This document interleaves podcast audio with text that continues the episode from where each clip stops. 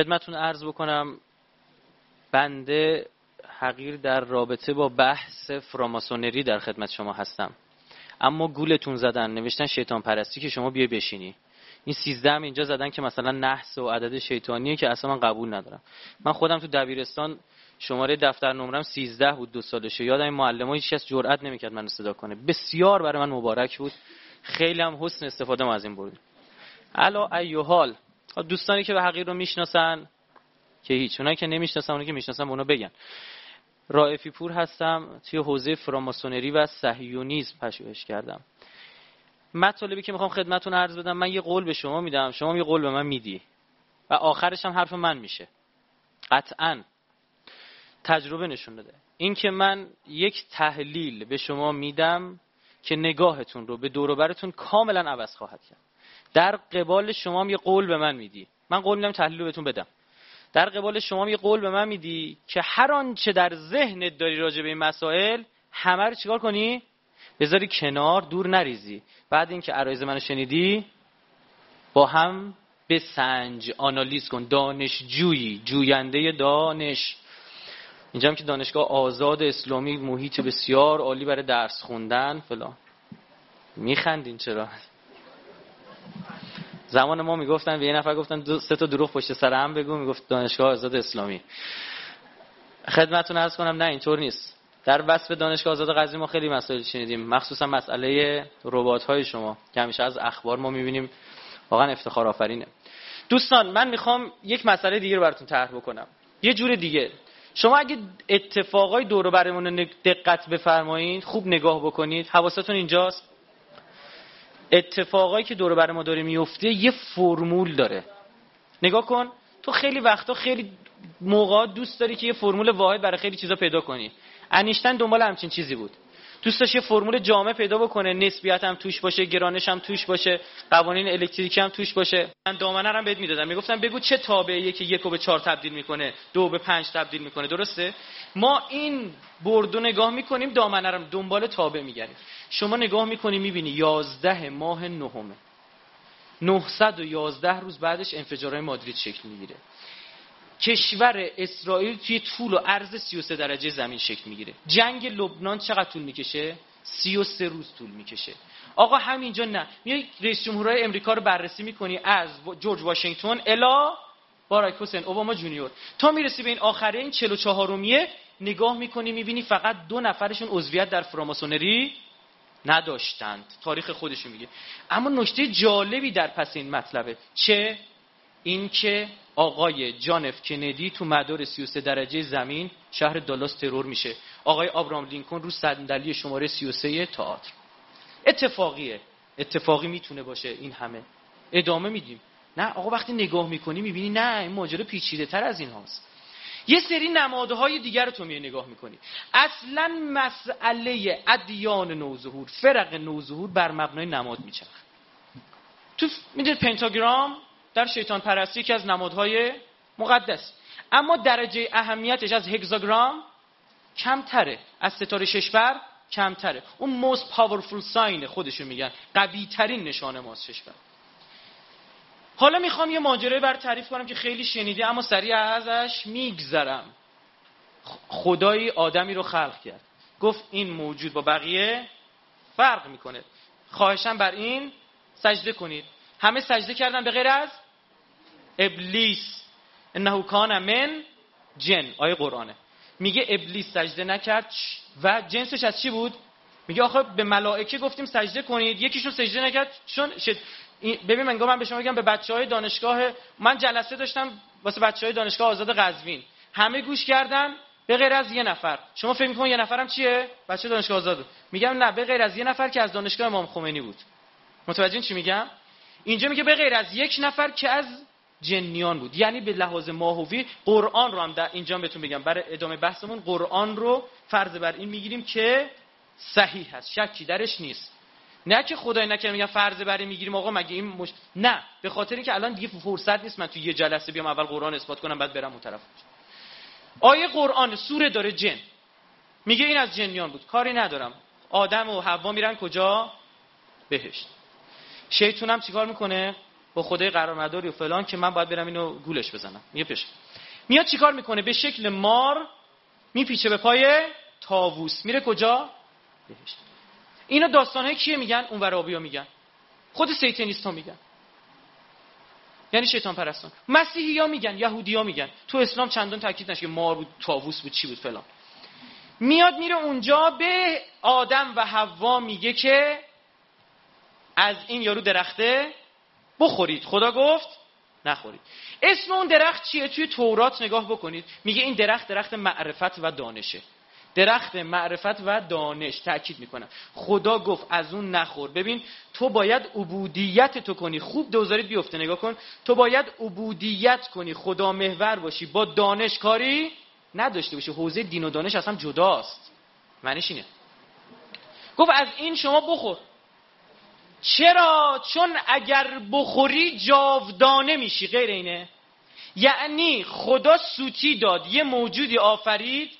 که عین خودشه. فقط دانش و معرفت نداره. همه چی عین خودشه. اگر این رو بخوری عین خود خود خدا میشی. درسته؟ گفتیم به شکل مار پیچید به پای تابوس. مار یکی از نشانه هاشون شد. گفت از این درخت بخور. درخت چی بود؟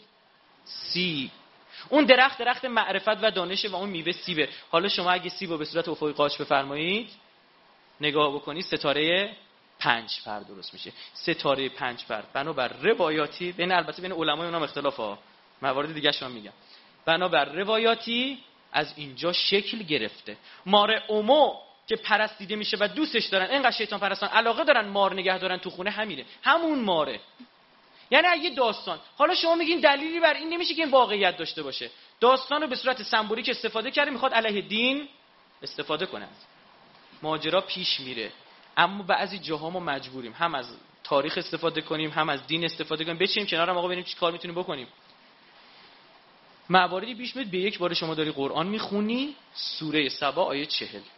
میگه خدا خطاب ملائکه میگه اینا شما رو میپرستیدن خوب گوش کنید. میگه اینا شما رو میپرستیدند. جهنمی ها رو داره میگه. قالو سبحانکه پاک و منزهی خدایا. یعبدون الجن و کان بهم یؤمنون. اینا جن میپرستیدن و بهش ایمان داشتن. آقا مگه جن پرستی هم داریم؟ خب اگه شیطان از جنس جن باشه جن پرستی یا شیاطین رو پرستیدن. یک جای دیگه باز آیه قرآن میگه که اینها ش... جنه رو شریک ما قرار دادند. جالب اینجاست. شما خدای به اسم مردوک می‌شناسین؟ بله. مردوخ مردوک یا مرداک؟ تو شیطان پرستم خیلی من اصلا یه گروه به اسمش. خدای به اسم ایشتر می‌شناسی. بله در بین نهرین بوده می‌شناسم. خدای به اسم ناگال می‌شناسی. بله در هندوستان بوده. ناگال می‌شناسی. بله در میان رودان بوده. جالب اینجاست وقتی میای شما متون باستانی و تاریخی شیطان پرستان نگاه می‌کنی به اجنه و شیاطین اعتقاد دارن با نامه های مردوک، ایشتر، ناگا و ناگال. اینا که خدایان بودن که. یعنی اینها به جای خدا شیطان میپرستیدن شیاطین رو میپرستیدن. بله. قرآن داره میگه یعبدون الجن و کان بهم یؤمنون. این عرفان شیطان پرستی و جنگیری در تمام تمدن ها بوده. هیچ تمدنی بری از این نبوده. به غیر از یک تمدن که کمتر درش بوده ایران. اونم فقط به خاطر که یکتا پرست بودن. یعنی چون عموما ایرانی ها از باستان یکتا پرست بودن جایی برای این موارد مطرح نشد. بگید به من ببینم دیو تحت عنوان چه چیز می‌شناسید در کشور خودتون؟ مظهر بدی. می‌دانستی دیو در آین قبل از زرتشتی خدا معنی می‌داده. دیو یعنی خدا. یکی از این دیوهای بزرگ وندیرا بود. ماز وندیرا آن مازندران جایگاه دیو بزرگ. ای دیو سفید پای در بنده گنبد گیتی دماوند همینه. یا یک جای دیگه که تو هفت خانه رستم دیو, دیو سفید کجا می‌بینه؟ اون دیو آخریه رو. مازندرانه. این باستانه تو گرفت. حضرت زرتوش که میاد میگه بابا اون خداها رو نپرستید اونها شیاطین بودن. تبدیل میشه به شیطان. دیدگاه جامعه شناسی و تاریخیش میگه نخه. هر قومی که اومد خدای آینه قبل هر دینی که اومد خدای دین قبلی رو زد کنار چی گفت؟ گفت اونا شیاطین بودن. خدای من. همین الانم لفظ او دیو به معنی خدا میده در لاتین دیگه.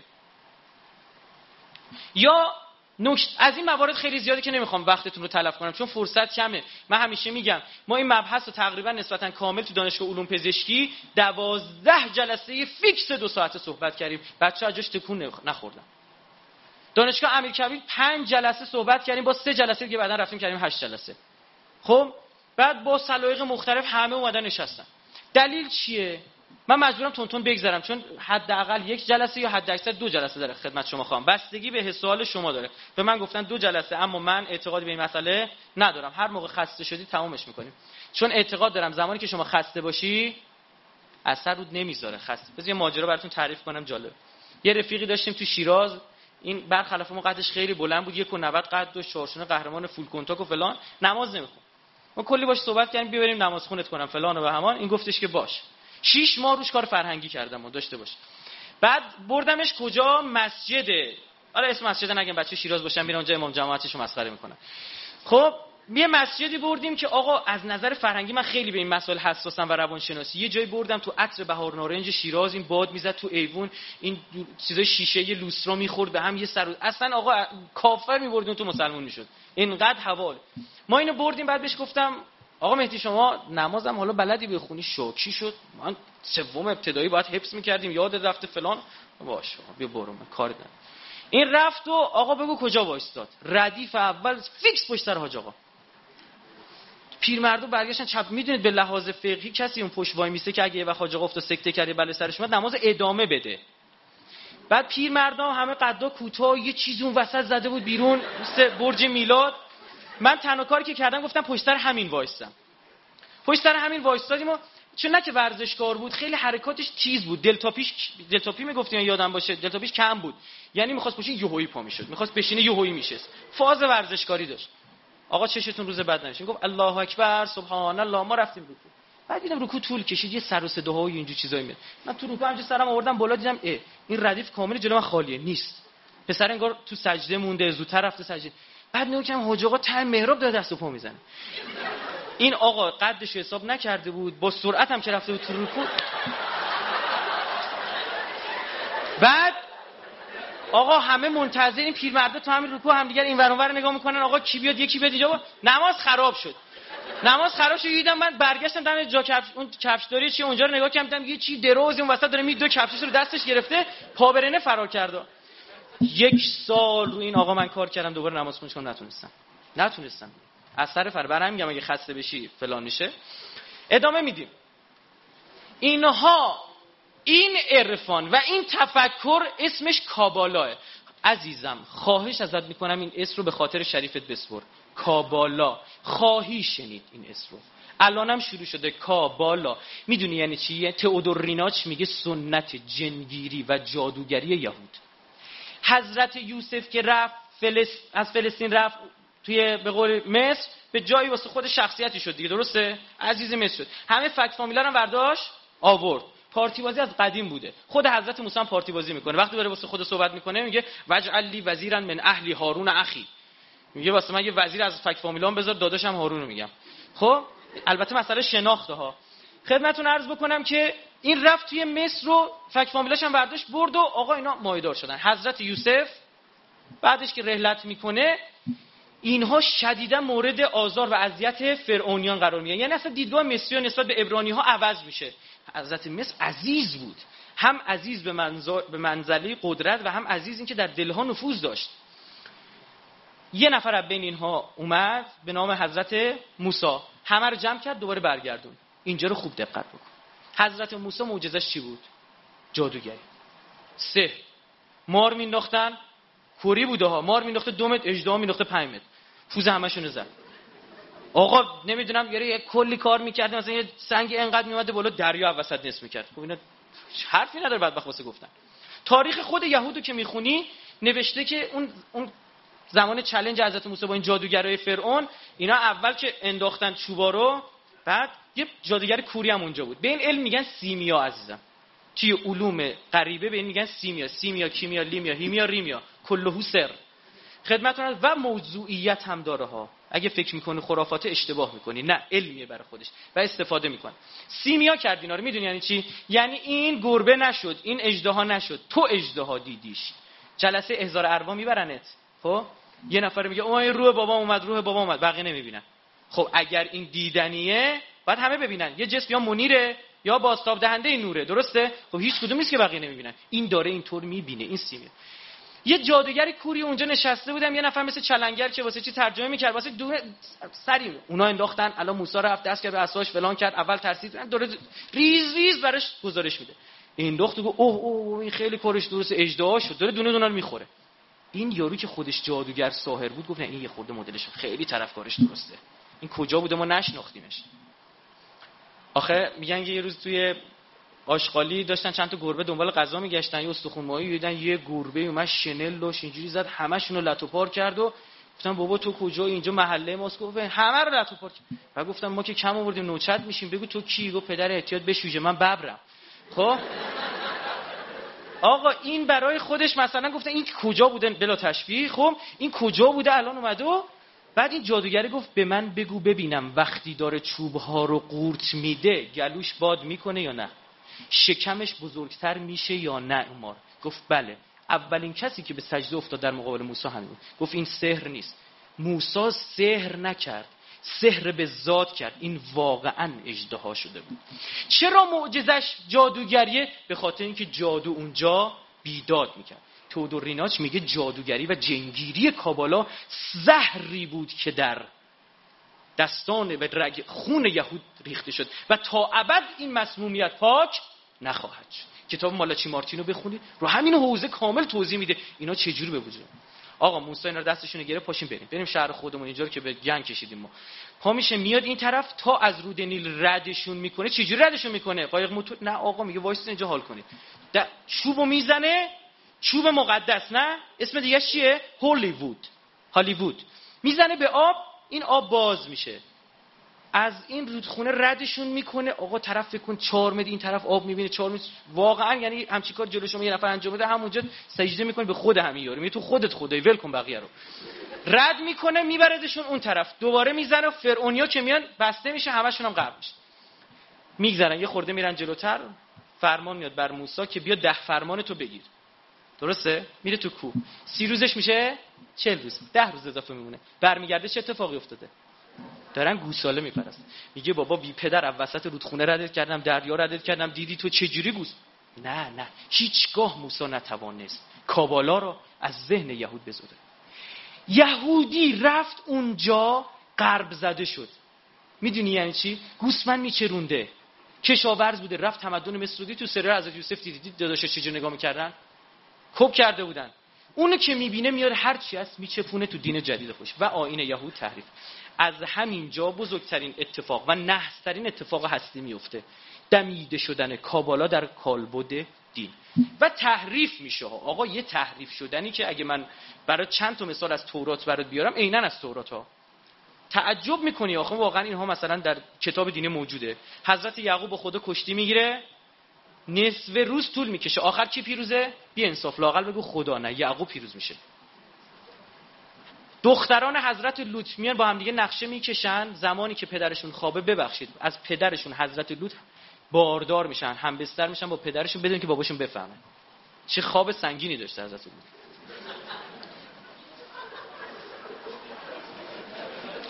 خدمتون عرض بکنم که بچه ببخشید من زیاد شوخی می‌کنم و دست خودم نیست اصلا نمی‌تونم کنترل کنم. آقا از این گونه موارد زیاده. تو یه روز فقط هفتاد تا پیغمبر سر می‌برن. حضرت یحیی رو می‌ذارن سرشو می‌برن. حضرت زکریا رو می‌کنن تو درخت خالی درخت رو وسط می‌برن. یه سیستمی ها. یه پیغمبر درست حسابی هم که پیدا می‌شد میومد یا میکشتن. اما پیغمبر دروغین خودشون واسش زمینه فعالیت فراهم می‌کردن. شابتای سوی یعقوب قزه‌ای اینا باید بشناسین. اسمشون آروم آروم الان تو این عرفان هایی که داره میاد دارن راد میدن به ملت. کاری ندارم. اینها آروم آروم آروم. هر دینی که به وجود آمد یهود اون دین رو هم تحریف کرد. یعنی بیخیال اون نشد. یه دینی به وجود اومد تحت عنوان مسیحیت. مسیح خودش یهودیه نه؟ در بین یهودیان زاده میشه. آره؟ میاد میگه که بابا پدرت خوب مادرت خوب. اصل دین این بوده. اصل دین این بوده. انقدر دین تغییر پیدا کرده فکر کنن دین جدید آورد. زمان که امام زمان بیادم میگن همینه دیگه. میگن وقتی اصل دین پیامبر یک بار دیگه تبیین می‌کنه خیلی میگن کشور اسلامی میگن او دین جدید آورده. بدعت داره می‌کنه. به هر کاری می‌کنن نمی‌تونن پیروان مسیح رو بگیرن. سری میان کلش می‌کنن مسیح چه کار می‌کنن؟ یه نفر از خودشون به اسم یهودا جودایوس اسکاریوتی رو میفرستن اون تو 13 همین نفره. عدد 13 رو داشته باشه. 13 همین نفره. بعد حضرت مسیح در مقابل سی سکه نقره میفروشه. شورای سنهدرین. تماس می‌گیرن و امپراتور اینو می‌گیره و می‌بره و به صلیب می‌کشه و حضرت مسیح کشته میشه. موشب میمون چی می‌دونی چی میگه؟ میگه مسیح شارلاتانی بیش نبود. نعوذ بالله نعوذ بالله. و مادرش مریم بدکاره بیش نبود. در آن دنیا مسیح در گودالی از مدفوع جوشان دف کنده خواهد شد. نظر یهودیت نسبت به حضرت مسیح. اصلا و ابدا حضرت مسیح قبول ندارم میگه این شارلاتان بود. کی گفته این مسیح موعوده؟ کی همچین حرفی رو زده؟ اینجا اتفاق میفته که شخصی باز دوباره نفوذی میفرستن و مسیحیت رو چه کار می‌کنه؟ منحرف می‌کنه عزیزم. شخص کیه؟ حواستون اینجا؟ شاول. اس یهودیه. اسمش رو عوض می‌کنه می‌ذاره پولس. این اس آخر اسما رو وردارید تا به اصل اس برسید. این یونانی ها اضافه می‌کنن. مثل داریوش. داریوس بوده اسمش که ورد میشه دارا. همون دارا که توی ملک دارا که صحبت میشه ملک داریوشه. میگه همون دارایی که میشه ساراه خجالت بکش. خدمتتون عرض بکنم که و یا مثلا الیوس یا الیاس برداشته بشه میشه چی؟ ایلیا علی. از یه ریشه. زبان عبری و عربی از یک ریشه گرفته شده. زبان سوری آرامیه. خدمتون عارض بشم که آقا هر دینی اومد تحریف کردن. پیغمبر خودمون. اسلام اسلام نه دست نخود چی گفته؟ کعب الاحبار ابو هریره مسلمون بودن. یارو شیش ماه بیشتر با پیغمبر زندگی نکرده خب؟ پنجاه هزار تا حدیث از پیغمبر نقل کرده. دمش گرم خدا بکی یعنی همت مضاعف و چیه؟ تهشه به خدا.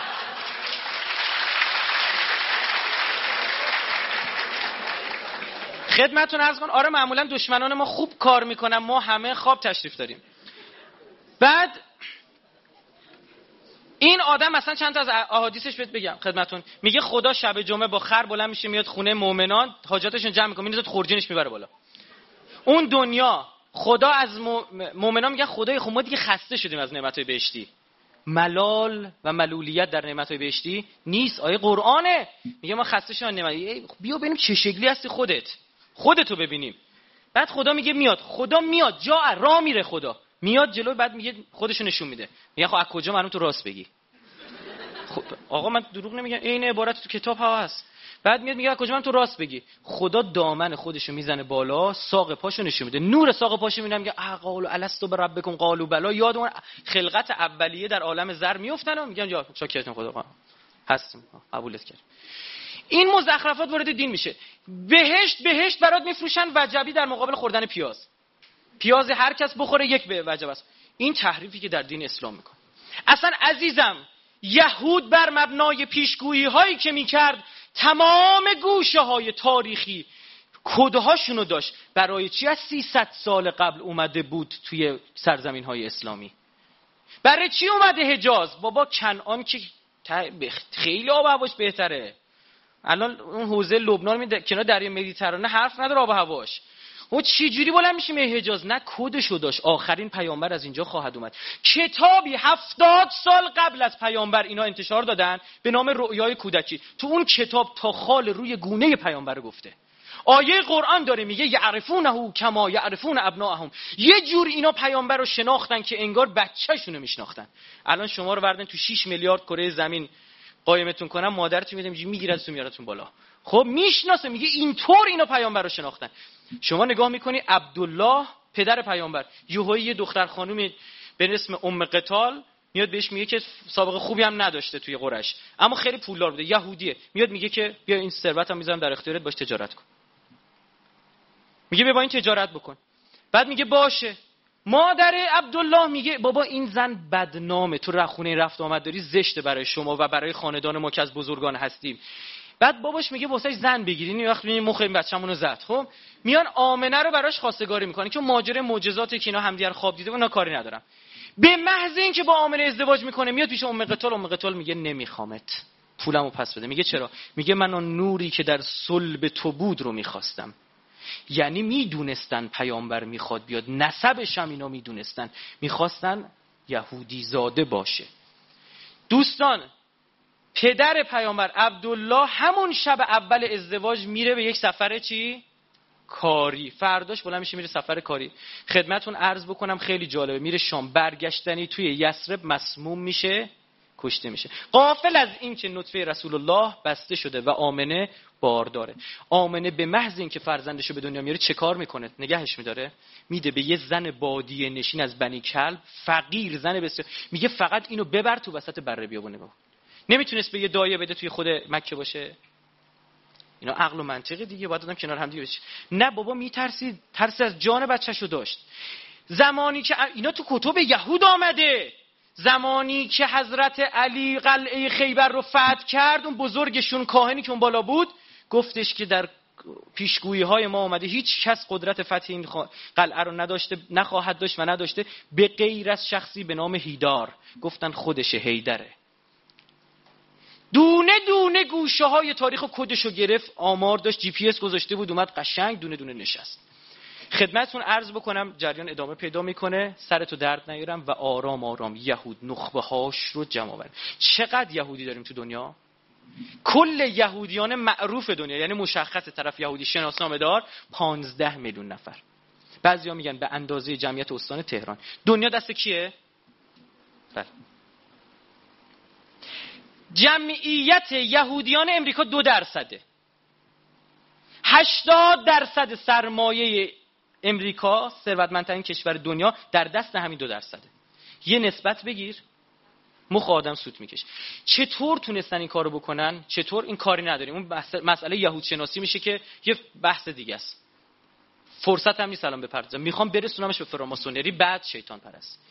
آقا اینها تونستن با این جمعیت کم از طریق جذب نخبگان و افراد معروف جامعه کنترل افراد رو به دست بگیرن. نگاه کنید شماها بینتون افرادی هستن که به ذات لیدرن. یعنی اگر یه اتفاقی بیفته این کسی که اولین شعار رو میده کسی که بعد کسایی هستن که تو همین مدرسه از بچگی نگاه می‌کنن به لحاظ روانشناسی همه دورشون جمع می‌شدن. دست میختن گردن این. این به ذات قدرت مدیریتی داره استعدادش رو داره. اونا میان اینجور افراد رو شناسایی می‌کنن. لازم نیست من با شما تمامتون کل کل بکنم. فقط کافی لیدرهاتون رو بشناسم. لازم نبود توی قبیله باشی بری فقط رئیس قبیله. تمام لیدره. این بگه آره تمام. بگه نه تمام. اصلا یکی از دلایلی که بعد از پیامبر اسلام منحرف میشه همین جوری بود که اسلامشون قبیله ای بود دیگه. رئیس قبیله رو دمشون می‌دیدن تمام. یه دو هزار نفر یه میچرخیدن. خدمتون عرض بکنم نخبگان رو شناسایی می‌کنن. 1717 از قرن 11 12 میلادی شروع می‌کنن به کار کردن. نهایتا سال 1717 یادتون بمونه. 17 17 دو تا کنار هم دیگه. اولین لوژ فراماسونری جهان در انگلیس انگلیس اعلام موجودیت می‌کنه. بوده ها اعلام موجودیت می‌کنه. سالها قبلش بوده. از زمانی که مارتین لوتر میاد اصلا خودش عضویت در دیر صهیون داشت. ایزاک نیوتن عضو بود.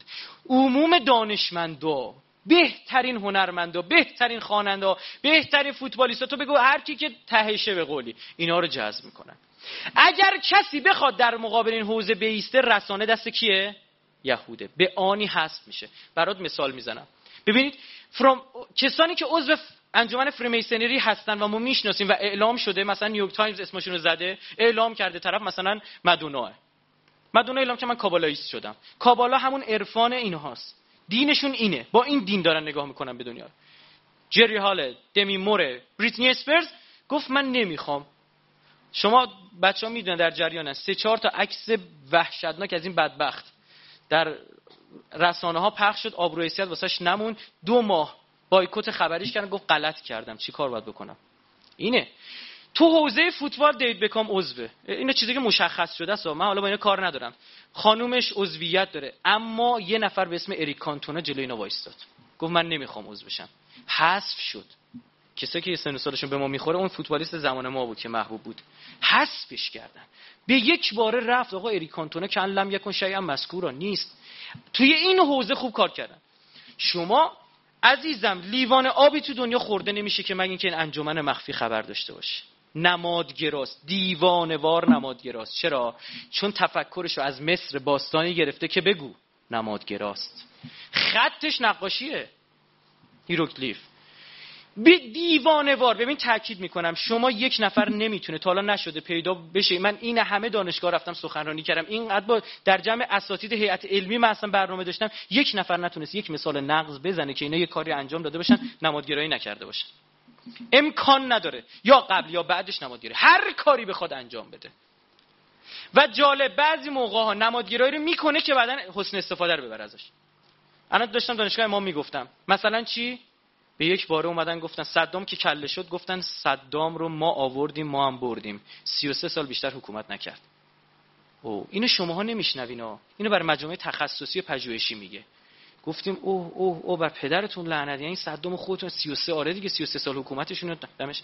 یک نفر از خودش نپرسید بره اینو جمع تفریق بکنه ببینه صدام 26 سال حکومت کرده. می‌دونی چرا این کارو می‌کنه؟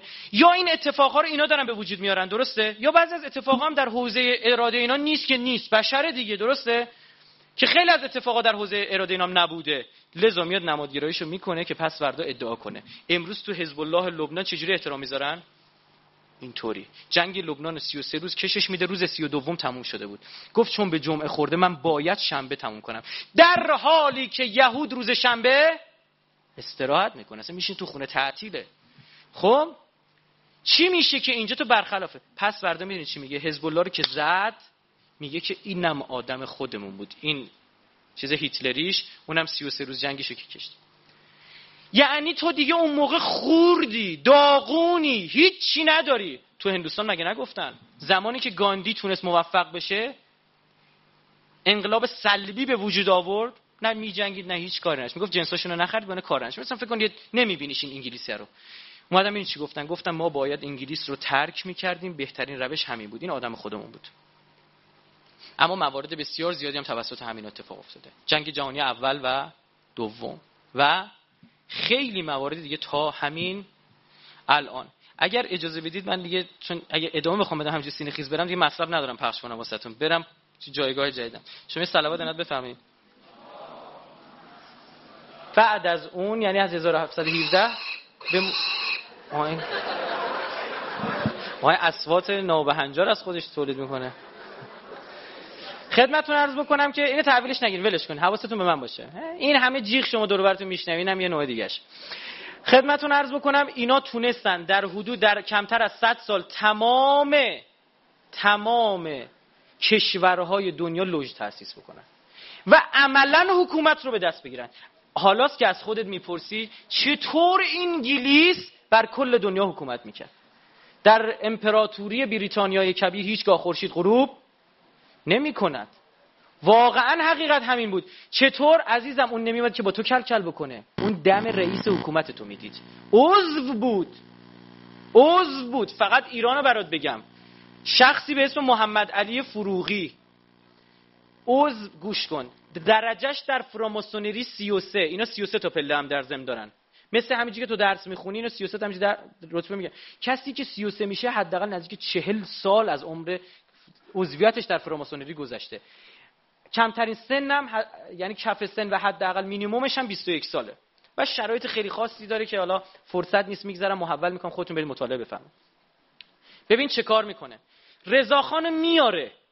رضاخان رو بر میداره محمد رضا رو میاره سال 1320 که آوردش 21 سکته کرد افتاد مرد. اما نگاه کن چجوری فیلم در چشم باد دیده بودی؟ نگاه می‌کنی این سریال رو؟ توی اینجا رضاخان اون قسمتی که داشت می‌رفت وقتی این نیروی روس حمله کردن رفت پیش یه بنده خوده که رو تخلم داده بود یه پردم بود. درسته؟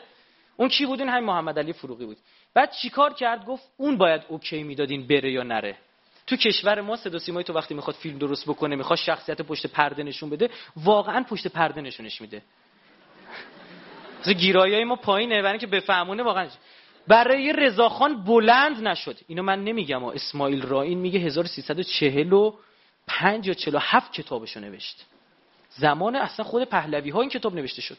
چی میگه وقتی رضاخان میاد؟ خیلی قشنگ. رضاخان عذر خواهی می‌کنه به خاطر اینکه رفت سمت آلمان. میگه نه تو تموم شدی. باید بری. توی لوژه فراماسونری یکی از ت... سوژه های خندهشون خندیدن به دستخط رضاخان بوده. می‌رفتن میخندن. کمال الملک عضو لوژ فراماسونری فراموشخانه میرزا ملکم خانه. کش رضاخان گفت عکس منو بکش. گفت نمی‌کشم. تو کی هستی؟ فکر نکن شاهی واسه ملت شوی ما آوردیم سر کار. بهترین ها نقاش بهترین موسیقیدان بهترین سیاستمدار اینها رو جذب می‌کنه. بعدش رضاخان گفت پس می‌دونید نظر انگلیس در مورد این چی بود؟ نظر انگلیس در مورد ایران این بود که بعد از رضاخان نوه احمدشاه دوباره برگرده. سلطنت دوباره منتقل بشه به قاجار. محمد علی فروغی گفت صلاح نمی‌دانم. ببین انگلیس داره میگه آره میگه صلاح نمی‌دانم. مردم می‌فهمن کلا گوشات سرشون رفته. چی؟ دوباره پسر ایشون باید باشه. اون لحظه که داشت استفاشو مینوشت امضا می‌کرد ایشون باید میپذیرفت. این گوشش علامت گونیا و پرگار که نشانه فراماسونریه بودش. خب اینا این این یه نمونه برات گفتم. بقیه دنیا هم کار نه من حالا روی نمادگرا اینا کار گفتم بیش از اندازه دیوانوار نمادگران من این برد تا دامنه رو باش ور میرم که تابه و کشف کنم. وقتی حالا که تابه دارم هر دامنه رو بذارم می‌فهمم نتیجهش چی میشه. این به درد من می‌خوره. چون فرصت نیست من از فولدر شماره یکی اون به قولی فاکتور می‌گیرم. وگرنه خیلی موارد جالب و مهمی.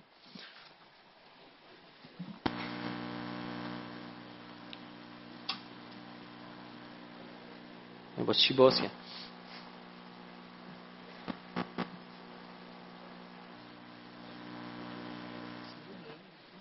جان؟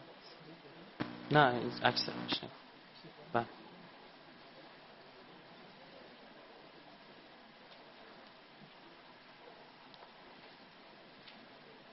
خب. اینا وقتی تو اروپا تونستن قدرت بگیرن به دنبال نیو اسرائیل خودشون گشتن. اسرائیل جدید خودشون. یه یهودی به اسم کریستوفر کلومز اومد با مشورت با مجامع یهودی و صهیونیستی اسپانیا. اومد چه کرد؟ آره آمریکایی رو کشف کرد. قبلش کشف شده بود. در جریان اسکان آنگلو ساکسون ها در امریکا دو تا آمار وجود داره. بعضی ها میگن 98 میلیون بعضی ها میگن 112 میلیون سرخپوست در طول یک قرن اینا کشتن. وقتی اونجا ساکن میشن خیلی جالبه. ببین چه اتفاقی افتاده. در دل مسیحیتی که بابا تو انجیل نوشته یهودی بود پیغمبر تو کشت. درسته؟ اینقدر تحریف به وجود میاد. امثال جان نلسون داروی امثال اسکوفیل امثال مارتین لوتر تو فرهنگ جوداییکا دایره المعارف جوداییکا مال خود یهودیاست میگه هیچ کس تو دنیا به اندازه مارتین لوتر به ما خدمت نکرد. کتاب نوشت مسیح یهودی زاده شد. با مسیح با یهودی چیکار دارین؟ مسیح خودش یهودی زاده شد. توی فراز از کتابش یه حرفی می‌زنه که تو دیگه نمیپذیرین مسیحی باشه. می‌دونی چی میگه؟ میگه ما به سان سگانی هستیم ما غیر یهودیان که ولی نعمت ما یهودیانند. بعضی ها خود یهودی ها میگن مارتین لوتر یک یهودی مارانوس بود. مارانوس یعنی چی؟ یهودی مخفی که دین خودش رو قایم می‌کنه میره کار انجام. اینو بعضی بخش اولش رو دیدن گفتن مارانو بعضی بخش دومش رو دیدن گفتن آنوس. آنوسی اگه شنیدید همینه میگن آنوسی فلان یعنی مخفی. وقتی اونجا رو می‌گیرن خیلی جالبه. اولین کتابی که چاپ می‌کنن چیه؟ مزامیر حضرت داوود پیغمبر یهودیا مسیحی اینا Puritan های انگلیس بلند شدن رفتن قاره آمریکا رو کشف کردن. رفتن اولی مهاجرین اونا. اسمای عبری می‌ذارن رو بچه هاشون. عبری زبان یهودی هست. واشنگتن دی سی اون دی سی آخرش یعنی David capital. پایتخت داوود. اصلا تعجب می‌کنی این همه گرایش شدید به یهودیت چیه؟ تحریفی که یهود در مسیحیت به وجود آورد. و اولین کشور ماسونی دنیا شکل گرفت. 1776 استقلال امریکا اعلام شد. توسط کی بیانیه استقلال نوشته میشه؟ توسط چند نفر که 90 درصدشون یهودیان. بنجامین فرانکلین جان آدامز و غیره. به عنوان اولین مانیفست به عنوان اولین آفیش برند تبلیغاتی یا هر چی که می‌خوای تو نمادگیرای اسمشو بذاری روی یک دلاری 15 نفر 6 سال کار می‌کنه. 15 تا متخصص گرافیست 15 نفر 6 سال کار می‌کنن و این میاد بیرون. آقا مثلا چیه؟ آقا یک دنیا یهودیت و چه می‌دونم شیطان پرستی چی تو همین یه دلاری نهفته است. خب گفتیم اعداد مقدس بگو. 9 11 13 و مضارب 11 33 تک تک اینها رو دلیل داره چرا 11 چرا 11 رو می‌گفتن این معبد سلیمان. سلیمان چه ویژگی داشت؟ بگو یه ویژگی خاصه که جن اینکه از جنه تحت سلطش بودن درسته؟ اینا میگن یک بار دیگه ما سلیمان پیغمبر نبود. سلیمان از خودمون بود ماسون بود جادوگر بود. ما یک بار دیگه اون معبد رو باید بسازیم. تونستن بسازن؟ نه. بیت المقدس دست مسلمان است لذا برنامه‌شون اینه که بگیرن معبد سلیمان رو بسازن و یک بار حکومت دیگه نظم نوین جهانیشون رو اعلام بکنن. حالا پیش میریم بیشتر متوجه میشیم. خدمتتون عرض بکنم این جورج واشنگتن بنیانگذار آمریکا. 13 تا برگ و میوه این طرفه. 33 تا حلقه زنجیره به معنای زنجیره فراماسونری این سمت و این سمته. یه علامت هشت شکل می‌بینی 13 تا ستاره روشه. خود ایالات متحده از کلونی 13 از 13 کلونی و ایالات ابتدایی اصلا شکل داره. اولین بار. خدمت داخل این تار انکبوتی یا طرح تار انکبوتی پر از نشانه های ماسونیه. این لپتاپ هم هنگ ما خیلی نمی‌تونیم زوم بکنیم متاسفانه. ببینید من مثلا به دوستان می‌گفتم من این میوه هایی که اینا استفاده کردم میشمردم من دو تا کم دارم. خب؟ خیلی که زوم کردم دیدم بله. ببینید؟ این پشت قایم کردم. پدر سوخته نگاه کن چیکار کرده. بعد خدمتتون عرض کنم ماجرا به همین همین این علامت هشت نماد مرد بودن از اون لحاظ که فقط مردا حق عضویت در فراماسونری دارن. زن حق عضویت نداره. این گوشه رو داشته باشین. توی نمادگیری بذار یه خورده با این جک و جونورا ور بریم. خرگوش نماد این هاست. می‌دونید چرا؟ به خاطر اینکه زمانی که شما میخوابید خرگوش تابلو نمیخوابه. خواب خرگوشی داره. درسته؟ بیداره. میگه ما بیداریم زمان. جغد نماد یهودی مخفی یا یهودی مارانوسه. چرا؟ گردنش 360 درجه میچرخه. نماد استیلا هوشیاری و آگاهیه. و زمانی که شما میخوابید آقا جغده بیداره. ذهن که منحرف باشه منفی باشه همینه دیگه. خدمتون عرض بکنم. و ما رو که خدمتون گفتم سوسک ساکرب هست که تو شیطان پرستی است. با سلام انشالله همایش نهایتا تا ساعت 17 ادامه داره. چشم. الان ساعت چنده؟ خب یه ساعت چی بهتون بگم؟ ولش کن. هیچی نگم دیگه نمی‌کنیم بهتره. خدمتون عرض بکنم این گوشه دلار رو داشته باشین شما. نگاه بکنید. خب، میگم این فاز هنگ داره میگین نشما ببینید یه چیزی این گوشه قایم کردن ش... الان که زوم بشه خیلی. برید یه دلاری بخرید خودتون می‌بینید. از بانک ملی دایره پولی ارزی. یه دلاری بخرید این گوشه یک جغد قایم شده خیلی قشنگ. جغدی که نشسته. ببین اینجا. ببین دلار من چقدر زوم کردم. 229 سال پیش طراحیش کرده ها. اگه فکر می‌کنه ابزار اسکن و فلان و فلان کلیشه روی آهن کار کردیم این چقدر سخت بوده این کار. ببینید اینجا همینجا جغدی که به سینه نشسته روی شاخه. و تنها اینجا نبود. موارد دیگه هم هست. حالا من خدمتتون عرض می‌کنم. اون بچه ادامه داره. یه مقاله نوشتم راز دلار یا اسرار دلار. تو اینترنت سرچ کنید پیدا میشه. برید کامل دیگه خودتون بخونید چون فرصت نیست می‌گذارم. اما یک نکته خیلی جالب. من به این امریکایی میگم تو که فرهنگیت فرهنگت عقبه فکریت برمیگرده به اروپا چرا اومدی هرم گذاشتی اینجا؟ جواب منو میده که من اونجا تمدنی نداشتم. میگم داشتی. میگه داشتم از مصر خوشم اومده. دوستان مصر به تمدن بزرگ بذارم. درسته؟ بهش میگم عیبی نداره هرمو بزن. چرا؟ اونم رو چی؟ روی اولین پولشون. 6 سال روش کار کردید عکس هرم بزن. میگم هرم هم زدی عیبی نداره. تمدن بزرگی بوده مصر منم قبول دارم. چرا این شکلی هرمت چرا عجق و عجقه این چی؟ این چرا این کلش جداست؟ نور میده و فلان. اما این یک مسئله دیگه است عزیزم. تک چشم وسط پیشانی اونایتون که یه خورده با روایات آشنایی دارن شما رو یاد یک موجود میزه دجال احسن که تو روایات ماست از نشانه آخر زمان اما جالبتر اینجاست که این هرم سیزده تا طبقه داره. اینجا یک کل... این حروفش 13 تاست. این زیر یه چیزی نوشته نوشته نیوز اردو سکلوروم یعنی چی؟ به زبان لاتینه نه انگلیسی زبان لاتین. یعنی نظم نوین سکولاریته. 229 سال پیش سکولاریزمو مطرح کرد. سکولاریسم یعنی چی؟ نه جدای دین از سیاست لائیسمه است. آقا دین اصلا بندازش کنار. خیلی راحت بگیم. دین رو بندازش کنار فلان. خب اون میشه چی؟ سکولاریسم ببین از کی؟ بیا اینجا پروتکل 24 گانه یهود نگاه می‌کنیم این پروتکل چندشه؟ قشنگ اینجوری می‌کنه. ما باید تمامی ادیان را از بین ببریم. جز دین خودمان. که روزی که نظم نوین جهانی را اعلام کردیم آن دین را بر کل جهانیان اجبار خواهیم کرد. این دین چیه؟ این تفکر چیه؟ دین یهود نیست تفکر کابالاه. همین. خدمتون عرض بکنم یه چکچشم این وسط پیشانی بذار من یه روایت از امیرالمومنین براتون بخونم. به امیرالمومنین گفتن دجال رو برای ما تعریف. قبلش اینو بگم. ازشون پرسیده شد این تک چشم بنجامین فرانکلین یهودی بود. بنجامین اصلا بنیامین.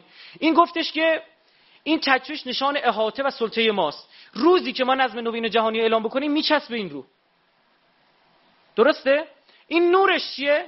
ما انسانها را from darkness to light. ما از تاریکی به روشنایی می‌بریم. این حرفی که خدا تو قرآن می‌زنه الله ولی الذین آمنوا یخرجون من الظلمات الی النور از تاریکی بر...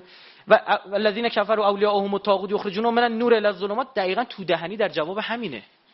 میگه منم که از ظلمت به نور می‌برم. اونای دیگه کسان که شما رو از نور دارن به ظلمت می‌برن. الله نور السماوات و جالب اینجاست. اینها شیطان رو اسمشو چی می‌دونن؟ لوسیفر. لوسیفر یعنی چی؟ نورانی. جوپیتر یعنی چی؟ نورانی. زئوس یعنی چی؟ نورانی. خیلی جالب. از سیتنیستا وقتی پرسیده میشه آقا تو بگو این تک چشم بنیامین فراکلین رو ولش کن. میگه این تک چشم چشم شیطان و لوسیفره. آقا لوسیفر شما کجا تشریف داره؟ میگه در ستاره زهر است. ما قرار نظم نوین جهانی رو براش آماده بکنیم.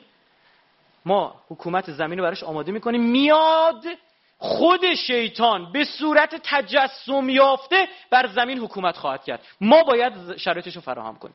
خب الان کجاست تو ستاره زهره؟ زهره که ستاره این سیاره است. درسته؟ قدیما فرق سیاره و ستاره رو نمی‌دونستن. شما صبح که بلند میشی ستاره زهره خیلی درخشنده است تو آسمون. بهش میگن ستاره صبح. درسته؟ اسم دیگه ستاره صبحه. سیاره زهره نام دیگه ستاره صبح و امیرالمومنین گفتن دجال رو تعریف کن. گفت عینه الیمنیه ممسوحه. چشم راست نداره. نمیگه یو اما کوره ها میگه تو نمی‌بینی مس شده از پاکه. ول اخرا اون یکی میشه چشم چپ. فی جبهتهی وسط پیشانیشه. تذیو زو میده نور میده. نگاه بکن اینجا رو. که انه کوکب صبح که انگار ستاره صبحه یعنی لغمه رو دقیقا جویده گذاشته تو دهن. فقط این نیست. جای دیگه میگه دجال نشان دجال بر کوهی سوار است. اینقدر عجیب اینقدر عجیب. پنجاه تا روایت در مورد دجال رو بررسی کردیم مو نمی‌زد. یه دونه مثال نقض نتونستیم پیدا کنیم. و به این نتیجه رسیدیم که دجال شخص نیست یک جریانه. و اون جریان فریمیسنریه.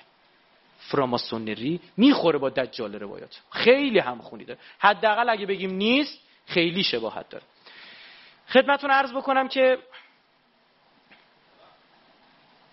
جانم دوستان من یه نکته به خدمتتون عرض بکنم. سوال هر کی داشته باشه جواب میدم اما این نکته بگم. اگه سوال جواب بدم مطالب نمی‌تونم بگم. چون تا پنج بیشتر نیستش. یا اگه خیلی سوالتون آ چش. میگه زوم کنیم بریم 13 تا حرف من قبول نداری؟ عجب. من دیگه نمیام اینجا. طول می‌کشه. می‌تونیم بشماریم بیا. یک دو سه چهار پنج شیش هفت هشت نو ده یازده دوازده سیزده. نه. خود هرم تا پایین سیزده تا. بعد نکته علاوه بر این تو مؤسسه دارپا هم از این استفاده کرده. تو مؤسسه دارپا تحقیقات پیشرفته نظام اونم 13 تا طبقه است. متوجه این؟ اون جداست بهش نچسبیده که.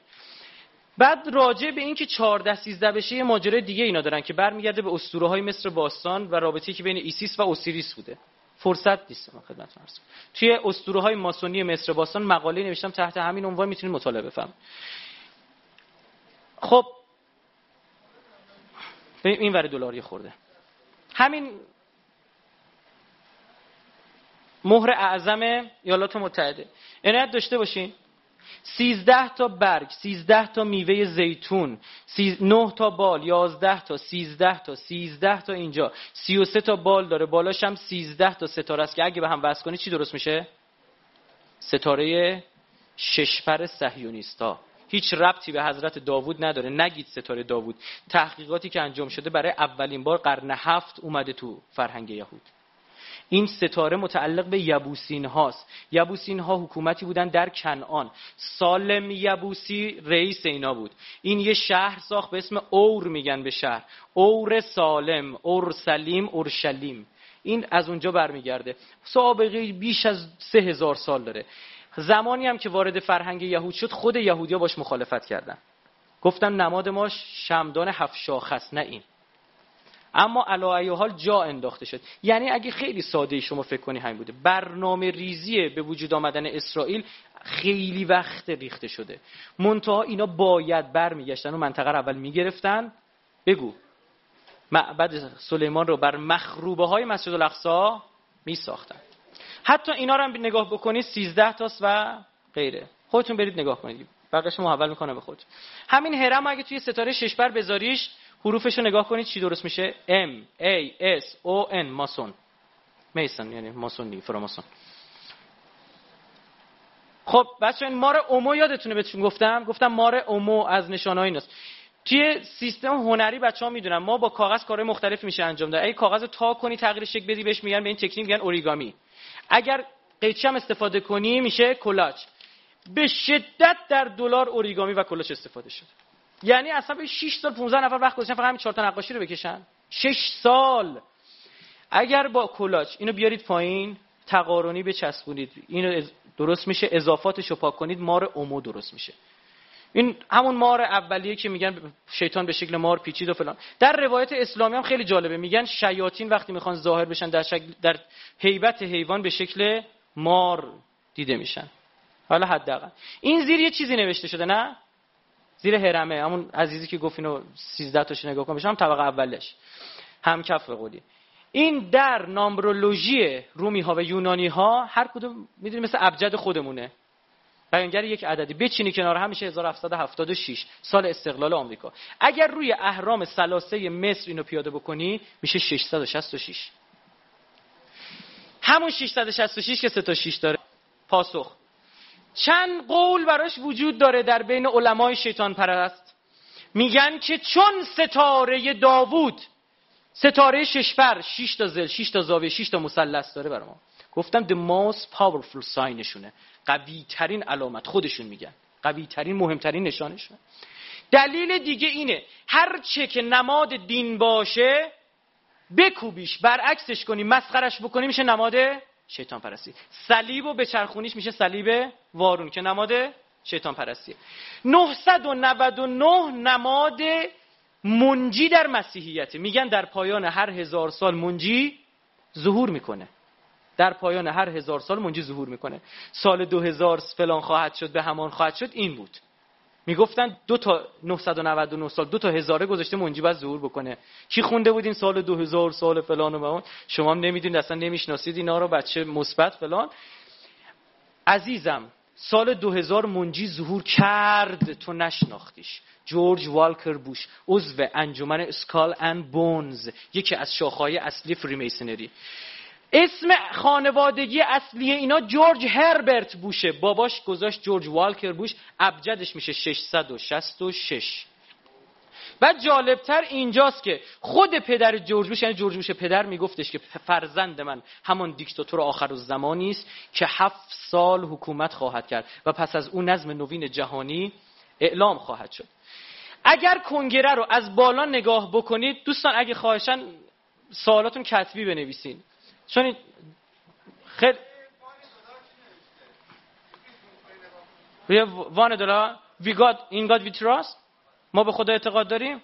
خب بهت میگم بابا نه بابا جوابتو میدم بابا. یه جوری من گفتم چی پیدا کرده اون تو الان مثلا. خدمتتون عرض بکنم که یه فضایی رو براتون ترسیم بکنم. توی فضای پژوهشی همیشه ذهنتون رو سعی کنید از تعصبات خالی کنید. با دوست عزیزمون نیستم خدا گواهه وگرنه امکان نداره با background ذهنی بتونی به حقیقت دست پیدا کنی. امکان نداره. یارو میاد در مورد شیعه و سنی داره تحقیق می‌کنه که حالا تشیع حق یا اهل سنت. ته دلش فقط دنبال اونایی میگرده که به دردش می‌خوره. هیچ وقت پیروز نمیشه همه جا هم میگم اگه نظر سیاسی خودم هم می‌خوایم بدونید عزیزم من انجمن اسلامی هم دعوت می‌کنه بسیج دانش هم دعوت می‌کنه جامعه اسلامی هم دعوت می‌کنه. گروه های اصلا از این انجمن مهدویت اون چی دعوت می‌کنه به لحاظ سیاسی هم نه هم نه راستم حالم از هر جفتشون هم به هم می‌خوره. ببخشید آقا. به خاطر اینکه خوب می‌دونم خوب می‌دونم که تو این بازی های سیاسی اونی که ضربه می‌خوره منم. کاری ندارم. اطراف کنگره رو اگه از بالا نگاه بکنید شکل جغده. ببینید؟ حتی این منقار جغد رو برداشتن به شکل اون علفا و نمی‌دونم درختایی که میکارن درست کردن. که نماد یهودی مارانوس یا مارانو اما In God We Trust یه خورده صبر می‌کردی ز غوره برات حلوا میساختم. خدمتون عرض بکنم آقا سوال شیطان پرستی بر مبنای Freemasonry بر مبنای کابالا جادو اینجور چیزا دریوری ها چیه محیط تکنولوژی آمریکا فلان ال... روز تو علم روز خجالت نمی‌ذاری جن اینجور چیزا می‌کنی؟ نه عزیزم حقیقت اینه وا والله بالله همینه In God We Trust سوال ازت دارم. تویی که رو پولت نزدی In God We Trust به خدا اعتقاد نداری؟ آن یارو نمی‌دونم چینی نزده به خدا اعتقاد نداره؟ آرژانتینی نزده به خدا اعتقاد نداره برعکس به لواز روانشناسی در محضر استادم داریم. این برعکس تعجب برانگیز وانموسازی میگن نه؟ یا فرافکنی میگن. چی میگن؟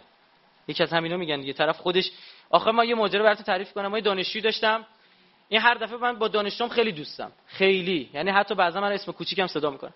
این هر دفعه میشیست می‌گفت بعضیا هستن گوشت خرس می‌خورن. چه حرفی گوشت خرس؟ آقا کی کدوم آدمی گوشت خرس می‌خوره؟ آقا ما جلسه ای نداشتیم اینو نگه. گوشت خرس می‌خواد یه روز کشتم گفتم تو چه مرگته گوشت خرس گوشت خرس رو انداختی سوژه ای داری مسخرمون داری میگه فلان. آقا پیگیر شدیم آخره تحصیلش داشت می‌رفت گفتش که آقا من یه چیز به شما بگم. گفتم بعد گفت ما نمیگم کدوم استان بودن فلان. می‌گفت خرسا میومدن زمینامون خراب می‌کردن. بندگون خدا تو روستا بودن خوب از احکام الهی و این چیزا خبر نداشتن. گوشتم گرون بوده و دیگه دوزارتون افتاد. خرسا رو که شکار می‌کنه حیفش میاد واقعا میخوردن گوشتشونو. خب که بعد گفت بابا حرام فلان. میگه نه بعد حکم شرعی واسه من بیاری که من میگم حیف نیست. من گفتم 10 تا پول گوشت بدم. خب اینجا میرم مف مف می‌خورم. آقا این همینقدر که می‌گفت من مثل کسی که میگه من دروغ نمیگم من دروغ نمیگم من دروغ نمیگم. آقا مگه کی کی قرار دروغ بگه؟ همه خوبن. من اینکه عکسش ثابت بشه. اول این نکته ثانیا یه دلیل خیلی منطقی و سیاسی تاریخی داریم. این عبارت In God We Trust برای اولین بار در 1956 با به دلار اضافه شد. می‌دونید چه موقعی؟ زمان اوج جنگ سرد ایالات متحده با شوروی. می‌دونید که شوروی ها کمونیست بودن. خدا هم در اونجا وجودی نداشت. هم همیشه میگم مثلا به همین پیرمردای خودمون ازش می‌پرسی مثلا یه نفر دین نداره میگه یارو کمونیست فلان فلان شده. می‌دونید چی می‌گفتن؟ پیرمردای ما نمیستن مثلا این از کمون ها گرفته شده نظریه نمی‌دونم مارکس و انگلس و اینا هیچ کدوم خبر نداشتن. می‌گفتن کمو لابد یعنی خدا نیستم که نیست. کمونیست یعنی خدا نیست. خب؟ واقعا همینجوری بود. از این پیرمردا پیدا کنید کمونیست یعنی چی؟ مثلا اینجوری مثلا آنالیز هم می‌کنه خیلی قشنگ. چه می‌دونم ملت یه جه اسم و اینجور چیزا میشنن هنگ می‌کنن. به یارو بگی لیبرالیسم بهش بگی روماتیسم فرقشو نمی‌دونه خدا وکیل. فکر می‌کنه حرف عجب آدم با سوادی چقدر اسم اسم گفت. خب؟ خدمتتون عرض بکنم 1956 برای اولین بار زده میشه این عبارت. به خاطر چی؟ به خاطر اینکه کشورهای مسیحی رو جریان و جبهه لیبرالیستی کاپیتالیستی بتونه جذب کنه و موفق میشه. جالبتر اینجاست. به محض اینکه شوروی دچار فروپاشی میشه طرحی برده میشه به کنگره که این حذف بشه. مردم امریکا مخالفت شدید می‌کنن. میگن این تنها ویژگی پول ما است که بقیه کشورها ندارن. اما سال 2007 ببین از سایت یاهو گرفته شده. خودتون هم می‌تونید برید سرچ کنید پیداش کنید. سال 2007 سکه یاد بوده یک دلاری جورج واشنگتن تو ماه مارس تولد جورج واشنگتن می‌زنن. خب؟ به طور شیطنت آمیز اینگاد ویتراس هست میشه. توی دلار جدید امریکا هم اینگاد ویتراس نیست. همین دلار جدیدی که قراره بیاد. با مبالغ درشت. این چیه؟ 20 دلاری. این کیه؟ جکسون. عزیزم بهت گفتم اینجوری ساده نگاه نکن. تک تک اینا کار شده. این بنده خودش شونش اینجوریه؟ یکم نگاه بکنید. نه فقط کافی تا بزنی تا شکل جدید برسید فقط کافی از اوریگامی استفاده کنی. چرا چشش چپه؟ نگاه کن این یکی داره شرق رو نگاه می‌کنه یکی غرب داره نگاه می‌کنه. خب طبیعی نیست. چش آقا خب چشش لوچ بوده مشکل داشته نه؟ اصلا و ابدا. اینطور نبوده. آقا اینا چی این پایین؟ بگو. درخته. ها تنش کو اگه درخته. درخت نیستش. آقا این دوده. یعنی چی دود آقا؟ عرض می‌کنم. این اول جکسون رو ببین چش و چالش سالم بنده خدا. تهمت بهش نزنیم. مرده پشت سر مرده و اینا حرفا نیست خودش دفاع اما اینجا فقط کافی اوریگامی کنی. خوب نگاه کن خوب گوش کن. اوریگامی کنی دلار رو به چه شکلی؟ به شکل هواپیما. به شکل موشک. هواپیما درست می‌کنی؟ به شکل موشک درست بکنی اینو می‌بینی. برج های دوقلوی تجارت جهانی به قول بنده خدا بانک تجارت آمریکا. خب؟ آره. چی در آتیشه؟ برنامه ریزی سالها قبل بود. اون دو تا ساختمون باید خراب می‌شد. بچه عمرانتون می‌دونن. آقا بابا یه مهندس زیر میاد جلو چشش که بتونه یه ساختمون رو خراب کنه جوری که سر جاش خراب بشه. درسته؟ وگرنه مثل درخت میفته انقدر خوشگل این خراب شد ریخ پایین. اینا چی بودن؟ دو ستون جلوی معبد سلیمان بودن. همون دو ستون عدد 11 بود. آقا این یکی اتفاقیه. دلیل حرف داری می‌زنی میگی این اتفاق اتفاقیه. این الان داری الکی توته می‌کنی فلان. من کاری ندارم بیا. تو 5 دلاری هر دو تا برج سالمه. توی دلاری نوکش آتیش می‌گیره. توی 20 دلاری آتیش میاد پایینتر. ها؟ داره روند ریزش برج وسط کشیده. توی 50 دلاری برجا ریخته توی 100 دلاری هم دودش بلنده. فقط آتیشش رفته هوا عزیزم بهت گفتم نمادگرایی می‌کنه برات. آماده می‌کنه ذهن تو. همون 666 گفتم 999 می‌شد. عدد چی؟ دینه مسیحیت منجی مسیحیت. به چرخونیش میشه چند؟ یک دلیل دیگه که میارن اینه. یه نکته جالب تر بهتون بگم. تو همین آهنگی که تو موبایلای شما بزرگوارات تشریف داشت می‌گفت 666 چرش آخرش چی می‌گفت؟ می‌گفت این ورش کن اون ورش کن. این ور اون ور اون ور. کدم داشت بهت می‌داد بابا بدبخت. بیچاره نمی‌دونست با چه جماعتی طرفه تو 60 بار اصلا برام بکشی. فلش هم بزنی من دوزار نمیافته آقا کجا کجای کاری؟ شماره هواپیماشو صندلیشون چجوریه؟ 12 به علاوه. بعضن که اصلا صندلی نمی‌ذارن. از دوازده میپره چهارده به خدا. خب؟ خیلی جالبه. این چیه آقا این من بهت میگم چون واقعا روزهایی که با سیزده در ارتباط بود اتفاقات عجیب میافتاد. چون اینها نمادگرایی می‌کنن استفاده می‌کنن چرا برای من ایرانی نحسه؟ سوال دارم. برای مسیحی اول بهت بگم. جالب اینجاست در این حالی که برای هر دو تای ماها نحسه برای دین مسیحیت و فرهنگ ایرانی من. اون یکی دینه مسیحی دینه. به خاطر اینکه 13 همین نفری که مسیح رو لو داد یهودا اسکاریوتی 13 دلیلشون این. اما برای من ایرانی چرا نحسه عرض می‌کنم؟ از کتاب تلمود خود یهودیا برات می‌خونم. می‌دونی چی میگه؟ میگه یه پادشاهی شما داشتین به اسم بذار قبل ترشو برگردم. ما یه پادشاه با فرهنگ و متمدنی داشتیم به اسم کوروش. درسته؟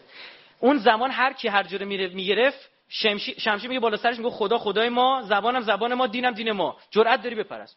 کوروش آدمی بود که براش به قول با روبان می‌رفت شهر رو افتتاح می‌کرد می‌رفت می‌گرفت. مصر رو می‌دونید چه جوری گرفتن؟ هخامنشی‌ها؟ فهمیدن این مچلا گربه میپرستن. اومدن روی چیز روی سپر عکس گربه زدن. می‌گرفتن جلوی اینا می‌خواست شمشیر بزنه می‌گفت یا شمشیر رو خدا بزنم فلان. مینداختن گور رفتن همه مصر رو گرفتن. امر آس این ماجرای قرآن سر نیزه کردنش از همین الگو گرفته بود تو تاریخ.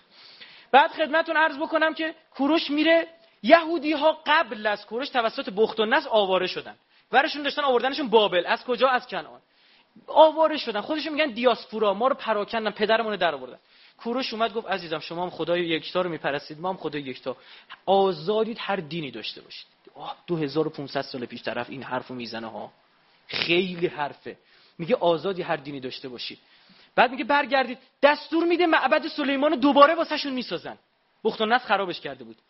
نماد فرهنگ خداییش. می‌دونید که علامه طباطبایی میگه ذوالقرنینی که تو قرآن میگن اینه. نظر علامه طباطبایی در مورد ذوالقرنین که خدا ازش تعریف کرده تو آیات میگه اینه آدم عدالت محور. یا حضرت دانیال یک خوابی می‌بینه که یک بزی که یک تک شاخ رو سرشه داره زمین رو شخ می‌زنه. حضرت دانیال میگه شخصی از اینجا خواهد آمد که در کل دنیا عدالت برقرار خواهد ساخت. کاری نه حضرت دانیال مال کجا؟ تو شوشه. خود کوروش هم میگن از اونجا اومد. شوش مولوی راهن نه شوش شهر. عرض کنم خدمتون میگه برگردید. اینا میگن بابا کجا برگردیم؟ ته دنیای متمدن اینجاست. باشم برم اونجا چیکار؟ یکیشون بر نمیگرد. حالا بخششون برمیگردن میرن الکی نگیم. یه بخششون هم میمونن میان تو ایران. یه شخصی میگذره تا زمان خشایارشا. به نام مرد خای. میشه مشاوره خشایارشا. این یهودی مخفیه. خودشو لو نداده. آقا یه روز خشایارشا مس کرده بوده جشنای نوروزی بوده. میگن دارم عینا چیز میگم دیگه. دارم من قبول ندارم بعضی از این بخش رو. دارم تلمود برات می‌خونم. عینا دارم میگم. مس کرده بوده به وشتی میگه بیا جلوی سپاهیان من لوچ اینم زن ایرانی با حیاس با عفت شما. سخت در اشتباه اگه فکر کنی پوشش یا حجاب بعد از اسلام اومده تو ایران. بکش خودتو توی تخت جمشید. یه زن پیدا نمی‌کنی چه حجاب یا بی حجاب. بعد یارو پله های تخت جمشید نگاه میکن پله های 10 سانتی بسیار زیبا. میگه این واسه چی گذاشته میگه واسه اسب بره تو. اگه تو با موتور ترل میای تو خونتون اونم با اسب می‌رفته. اونو واسه زن گذاشته واسه بزرگانش گذاشته. پا در شأن زن ایرانی نیست پاشو زیاد بلند کنه. اینجوری بوده نگاه بزن. حتی در احکام اینها اومده اگر زنی از خاندان سلطنتی قرص صورتشو مردم ببینن حکمش ادامه. پاشنه پا دیده شدن پاشنه پای زن حرامه توی اسلام هم حرامه. یکی از دلایلی که تو دین اسلامو گرفتی شباهت هایی بود که با دین قبلی داشت بگذریم آقا از این حوزه تاریخی بیایم بدون و دین شناسی میگه که بیاین کار کنن بعضی از اقوال میگه نه. خشار شاه و این مردهای شورونده بود که به یونان حمله کنه. وشتی قبول نمی‌کرد. میگه بابا ما 127 تا ایالتیم همینا رو جمع بود یکیش مصر بوده. میگه همینا رو جمع کنیم کلی کار کردیم. برای چی حمله کنیم؟ برای چی کشت و کشت را بندازیم؟ درسته؟ مردخای میه فتنه می‌کنه. میگه این آدمی که در مقابل تو وایستاد و مخالفت کرد به زودی تو را مسموم خواهد کرد و تو را خواهد کشت. لذا وشتی بگین حذف میشه. حالا شاه عذب میمونه؟ نمی میشه؟ 2500 سال پیش شاه ایران عذب. خدمتون ارز کنم دستور میده زیباترین دختران تمامی ایالت های ایران جذب کن جمع کنم بیارن. چند ماه طول میگه دیگه میرن هر کی تو خیابون قشنگ میزن خفتش می‌کردن باید بری پیش شاه. زن شاه بشی. حکم بابا باید بری. اینا رو قشنگ ترگل مرگلشون کردن. تو این هیروبیری آقای مردخای دختر داداش خودش حادثا هم غالب می‌کنن وسط می‌ذاره تو صف. پارتی بازی. خدمتون عرض بکنم دو قول وجود داره. حادثا یهودی اسم حادثا تابلو یهودیه. اسمشو عوض می‌کنه می‌ذاره استر. اما دو قول. میگن بالاخره خشارشا اینو انتخاب می‌کنه تو اون همه کاندیدا. اما واقعا اینکه زیباترین نبوده که خیلی احتمالش کمه. درسته؟ چه کار کردن؟ خودشون میگن از علوم غریبه استفاده کردیم کاری که همین جنگی را می‌کنن میرن دعا می نویسن که از این خوشش بدم که بعدش بد فلان. آیه قرآن داریم. میگه زمانی که یهودیا اومدن توی بابل از زم... ببین 2600 سال پیش میان بابل. 2800 سال پیش هم حضرت سلیمان بوده. آنچنان جادو جنبلی را میندازن تو بابل یه ولبشوی را میندازن که نگو. آیه قرآن داره میگه یفرق بین المرء و زوجته. اینا بین مرد و زن و شوهر با دعا نویسی و اینجور چیزا اختلاف میناختن که ما دو فرشته هاروت و ماروت رو فرستادیم به مردم یاد دادیم که چیکار کنن؟ تحت تاثیر قرار مسئله بعدی که خودشون تو تور... تو تلمودشون میگن میگن نه. خشور شد چون هر شب علاقه داشت. موقع خواب یک داستان عاشقانه گوش کنه. از پشت یک پرده یک زن با صدای زیبا میومد براش داستان تعریف می‌کرد. اینا استر رو گذاشتن این کارو بکنه. به لحاظ روانشناسی شرطی شد. خب به خاطر همین. حالا کار نداریم. آقا این استر رو انتخاب کرد. ولش کنید. الکی سرتون درد بیارم این استر انتخاب میشه میشه بانوی دربار ایران. یهودی مخفی. تا می‌رسه شروع می‌کنه. دونه دونه یهودی ها رو میره به رده های بالا. وزیر قدرتمند ایرانی هامان متوجه میشه.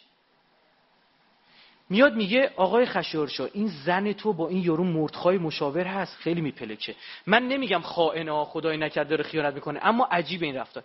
بررسی می‌کنم میگم بله این یواشکی دو سه شب میره گزارش میده و فلان فکر می‌کنه خیانت کرده و استر. اما آخر هامان میگه من فهمیدم اون مردخای یهودیه تازه شبکه هم راه انداخته آورده خبر نداره خود وشتی هم چیز استرم یهودیه. میاد این حرف جلو کی می‌زنه؟ جلو خود استر و هامان. میگه استر خانم به قولی با این نشخ این یهودی این فلان به همان این به همان فلان.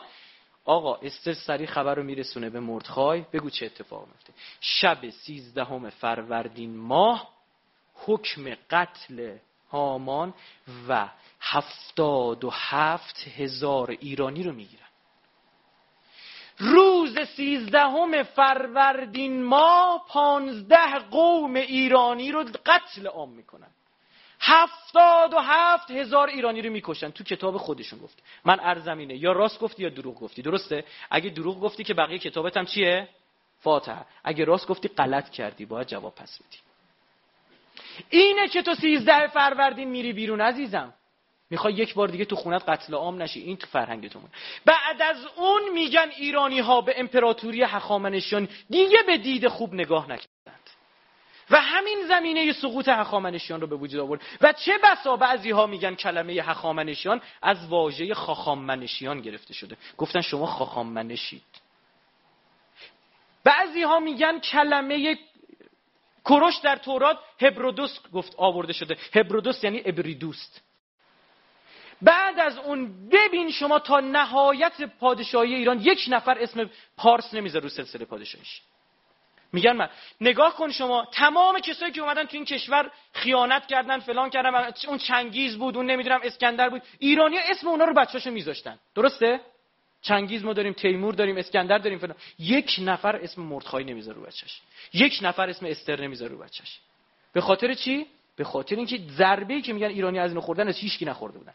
روز 13 به در میری بیرون دایره تنبک دستت می‌گیری در ازای اجداد داری می‌زنی میرخسی آره.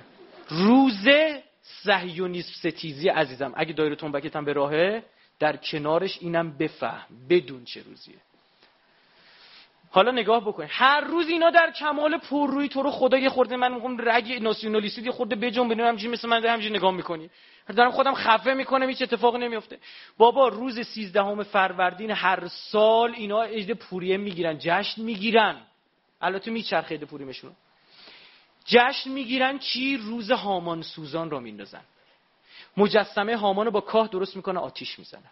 پر رو پر رو. ببین دیگه اعتماد به نفس پر رو. ببین تا کجا. حالا من فقط چند مورد بهتون نشون میدم و فکر کنم دیگه اینم بگیم ارزمون تمام اما جالبه.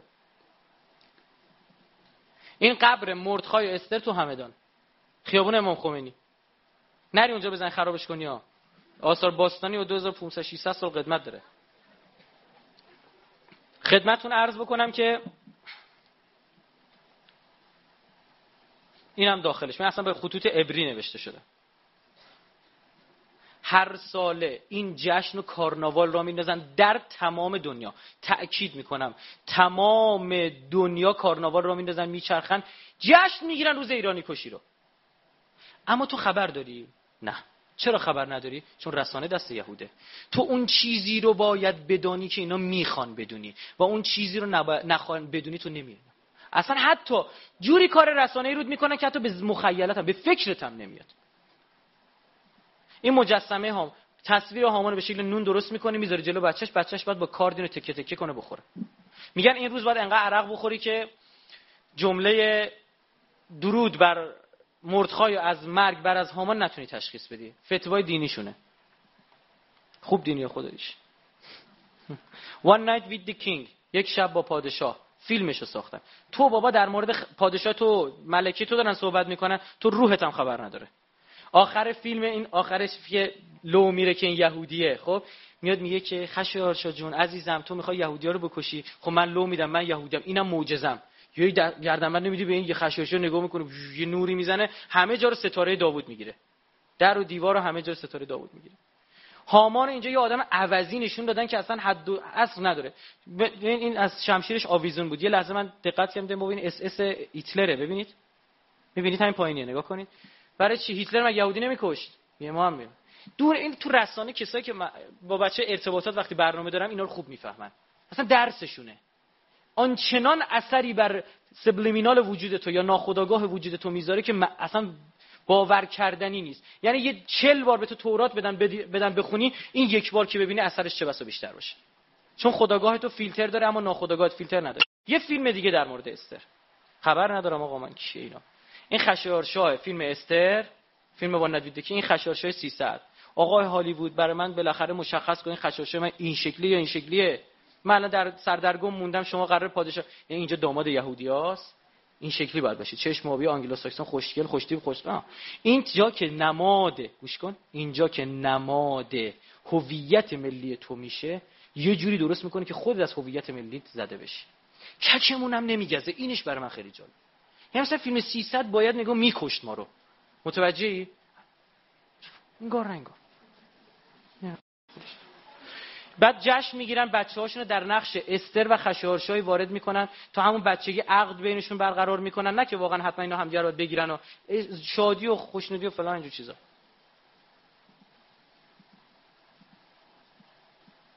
این هم هامان گذاشتن این وسط از این شکل هم پیدا نکردن. بعد این بعد با سیبل یا تیراندازی shoot هامان شلیک کن به هامان. یه نکته داره نکتهش چیه؟ پرچم ایران. تو دل سیبل نهفته است. سیبلاشون همشون همین شکلیه. طرح مصوبه به قولی.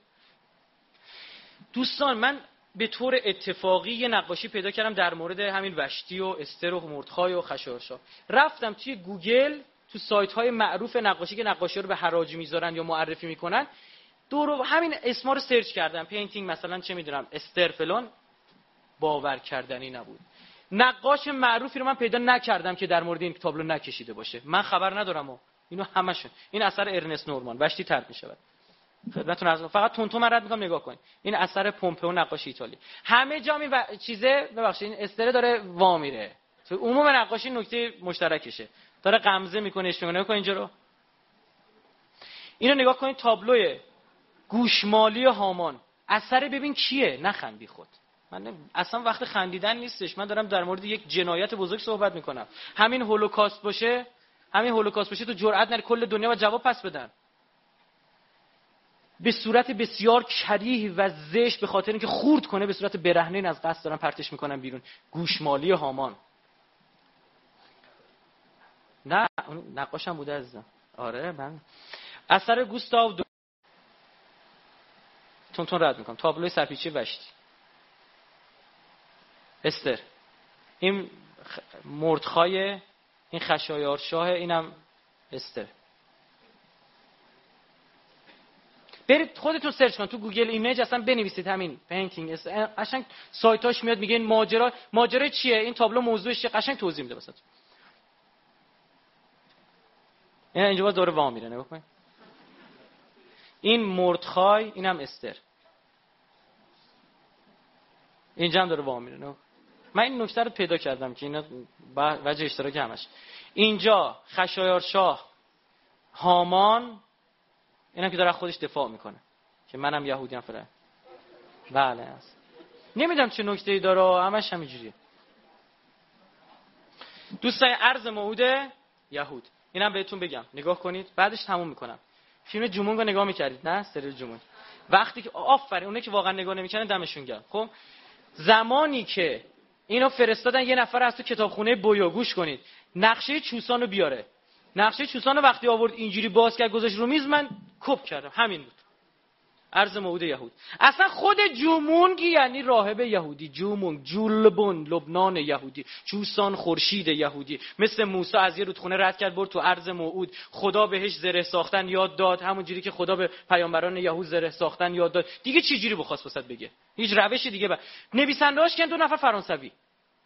من تاریخش رفتم کشیدم بیرون دیدم چهار خط توی تاریخشون فقط در مورد جمونگی هست همچین داستانی توش کشیدم بیرون. خدای آسمان با خدای آبها ازدواج کرد کمانگیر اینم جمونگی چی چی چی به دنیا آمد.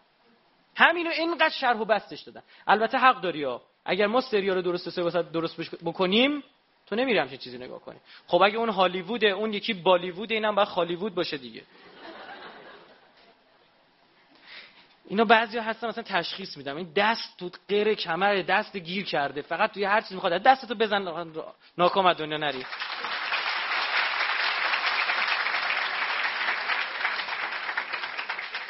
دوستان گونیا پرگاری که می‌گفتم اینه. ببینید گونیا پرگار از ابزار اصلی میسن بودن یا معمار بودنه. فری میسن یعنی بنیانگذاران آزاد. یعنی ما معبد سلیمان رو آزاد بودیم ساختیم. سلیمان ما رو به سلابه نکشید. چرا که در قرآن ما داریم که سلیمان شیاطین رو به سلابه کشید؟ گفت واسه من باید مسجد بسازید. محل عبادت بسازید. اینا میگن ما آزاد بودیم فری بودیم. البته اقوال دیگه هم در مورد این وجود داره. ببینید تکچش هرم تو شهر ایلا... دادگاه عالی اسرائیل. تکچش فلان. و 33 تا پله داره. این باز هرم مدار 33 درجه. تو فراماسونری هر رتبه که میرن بالا یه درجه بهشون میدن. یعنی علامت بهشون میدن. درجه 15 همشون اینه. این چیه؟ شمدان هفایه چند تا باید برگ داشته باشه؟ باید 13 تا داشته باشه. خود داره. این چیه؟ مسجد الاقصا ها؟ نه. این مسجد قبت الصخره است. این مسجد الاقصا واقعی دروغ بهمون گفتن. دروغ بزرگ. چون اینو دارن خرابش می‌کنن اینو مسجد الاقصا جا زدن. تو وقتی اینو نگاه بکنی تو تلویزیون میگه کی داره اگه؟ خرید سالمه بابا. یک دونه تصویر اجازه نمیدن از این بگیری. به شدت امنیتیه. این مسجد قبت و صخره با ارزش واسه ما اما این مسجد الاقصا واقعیه. گنبدش فیروزه این. ببینید این مسجد الاقصا قلابی یا مسجد قبت و صخره این مسجد الاقصا واقعی واقعی. نگاه کن. باب المغاربه رو نگاه بکن تخریب تخریب کرده اینجا داره آماده می‌کنه دیگه. ببین زیرش سوراخ سوراخ کردن. اون طرف یه چا می‌زنن یه بمب منفجر می‌کنن مسجد الاقصا خراب میشه. معبد سلیمان می‌سازن سال 2012 هم نظم نوین جهانیشون اعلام می‌کنن. قبلش 2007 اعلام کرده بودن. 2006 جنگو شروع کردن با لبنان. اول لبنان بزنن بعد سوریه بعد ایران. تو همون پله اول موندند. متوجه شدی؟ انداختن 2012 فیلم 2012 هم که واسه ساخته واسه همینه. کل دنیا نو سیاره نیویرو داره میاد. یو بی 313 داره میاد. همش دریوریه برای همچین. بعد خدمتتون عرض بکنم. عطر میاد درست می‌کنه. 212 اخیرا با جدیدترش اومده 2012 دمپایی استخر من رفتم نگاه می‌کنم نوشته ام 2012 ام یعنی میسن. جای دیگه ما خیلی استفاده کردن از حرف تک ام خدمتتون عرض کنم ببینید اعتقاد داشتن کف معبد سلیمان شطرنجی بوده. و میگن از کف شطرنجی برای احضار اجنه استفاده میشه. بین دو ستون کف شطرنجی احضار اجنه. یه نکته اینجا بهتون میگم. دوستانم که فیلم برداری می‌کنن خواهشن بعدا اینو قطعش بکنم. ما تو زمینه فراماسونی نزدیک 3 4 سال که خوب کاوش کردیم به مسئله رسیدیم که واقعا اینا با همچین مسائلی درگیرن.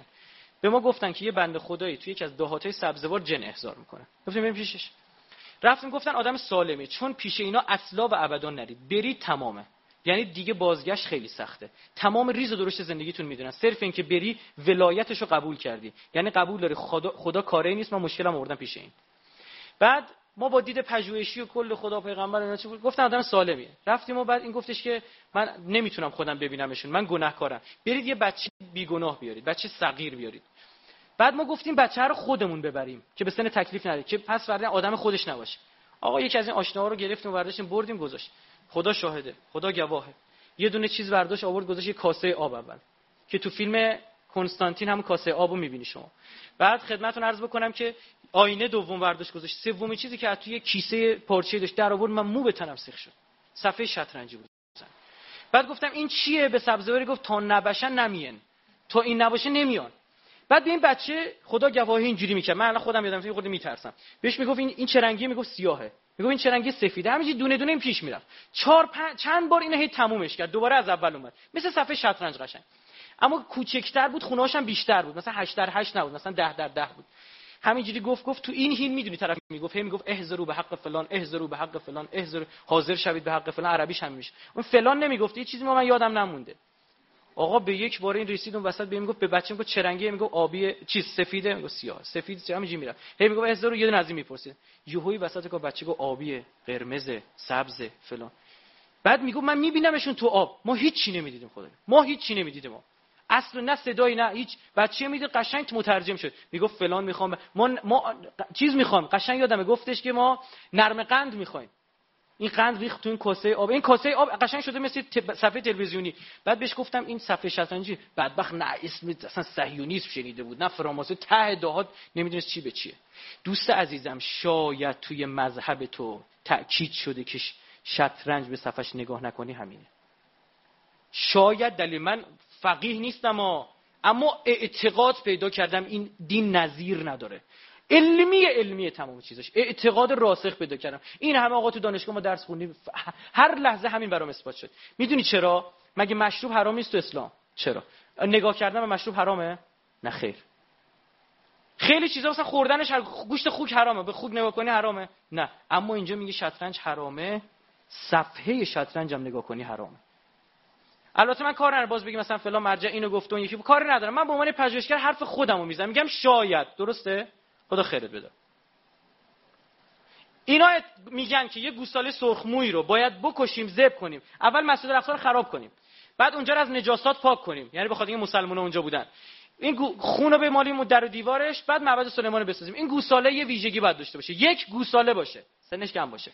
دو تمام موهاش قرمز و سرخ باشه. مگه اینکه سه تاش نباشه. خب همچین چیزی خیلی سخته به دنیا اومدش معجزه است دیگه درسته؟ اما اینا می‌خوان ظهور رو بسازند. این می‌خواد قبل از اینکه ظهور واقعی شکل بگیره خودش ظهور رو به وجود بیاره. به خاطر هم با سلول های بنیادین تو دانشگاه میسیسیپی اینو طراحیش کردن. خاخاماشون گفتم باید توی کتابمون اومده در خود اسرائیل این به دنیا بیاد. انتقال تکنولوژی دادن در اسرائیل اینو به دنیا آوردن. عزیزم این گوساله باید کشته بشه گاو نباید بشه. می‌فهمی چی دارم بهت میگم؟ سال نباید زیاد بگذره. این حضرت سلیمانی که بهش میگن کینگ سلیمان. قبول ندارم. پیامبر زمان اوایل اسلام هم وقتی پیامبر گفت موسی حضرت سلیمان پیامبر بوده خود یهودی شمال مدینه میخندیدن می‌گفتن محمد را نمی می‌گوید عیسی سلیمان پیامبر بوده است.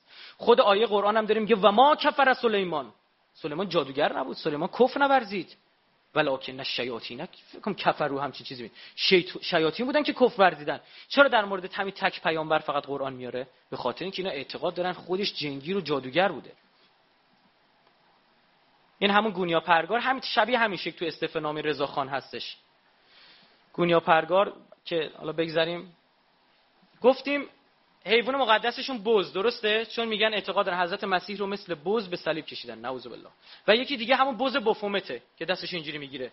خب دوستان می‌دونن بز حرف اولش تو انگلیسی چی میشه؟ جی شورای امنیت رو نگاه کن. خیلی جای دیگه جی دارن فولدر اول من نگاه کن. شاید این ذهنیت براتون به وجود بگه داره گیر فولدر اولی که به خاطر فرصت نکردن براتون پخش نکردن براتون تماما نمادهاشون بود. الان چند تاشم توی همین فرصت پنج دقیقه‌ای که مونده نشون میدم. این آرم سازمان ملل درسته؟ چند تا برگ باید داشته باشه؟ باید 13 تا داشته باشه. تو می‌دونی. چون دیگه چیکار کردی؟ آها تابعشون رو تونستی تعریف بکنی. نگاه کن. دو چهار شیش هشت ده دوازده سیزده. اینا هم باید قاعدتا سی و سه تا باشن دیگه. ببین یک دو سه چهار پنج شیش هفت هشت. چهار هشت دو سی و دو تا. یه دونم وسط سی و سه تا. آه چه سازمان مللی چه شورای امنیتی؟ همه کشورها بگن آره یکی می‌تونه بگه نه. حقه به تو داره. اصلا جالب اینجا حتی تو فکرت هم نمیاد که به این فکر کنی که چرا اون همچین حقی باید داشته باشه. در دنیایی که فریاد حقوق بشر زده میشه. جان؟ نه ساقش عزیزم اصلا تو کار فقط گیری یا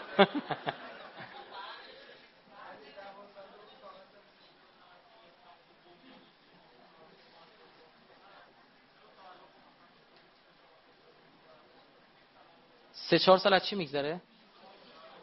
سه چهار سال نه نه تو ایران آر... من همینو بهت میگم. بابا تو صدا سیمای خودت داره مسجد الاقصا زرده رو نشون میده.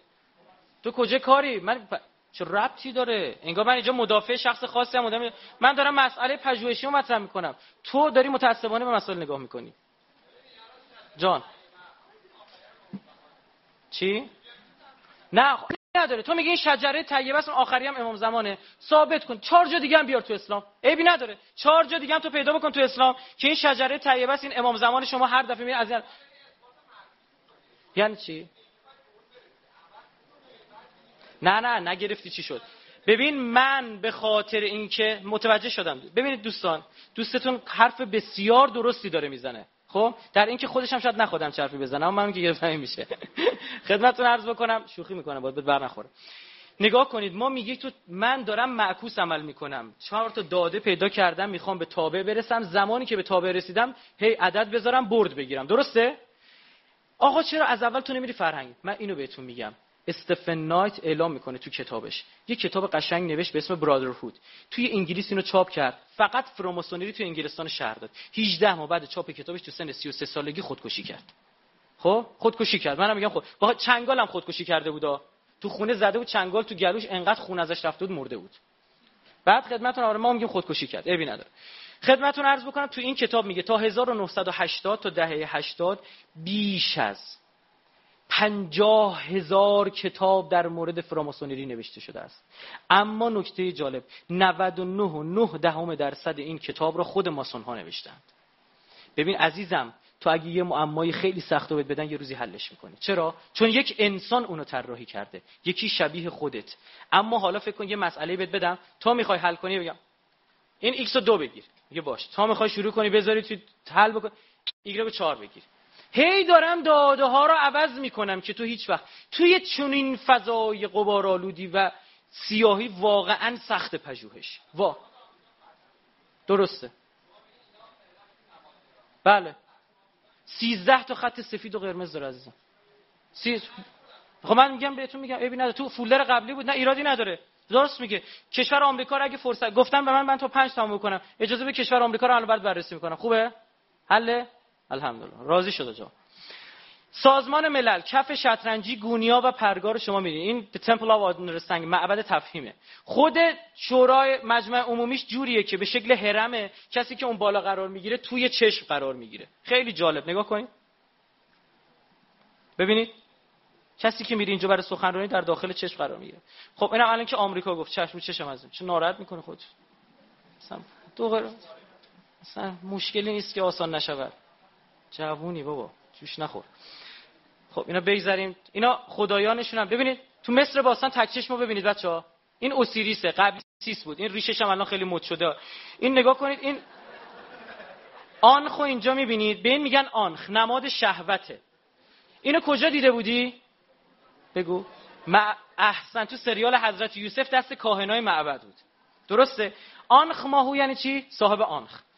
بعد خدمتون عرض بکنم که این ایسیس و بذار ماجراشو براتون بگم دیگه جالبه. ایسیس و اوسیریس خواهر برادر بودن. دو تا خواهر برادر دیگه هم دارن. یکی نفتیس یکی ست.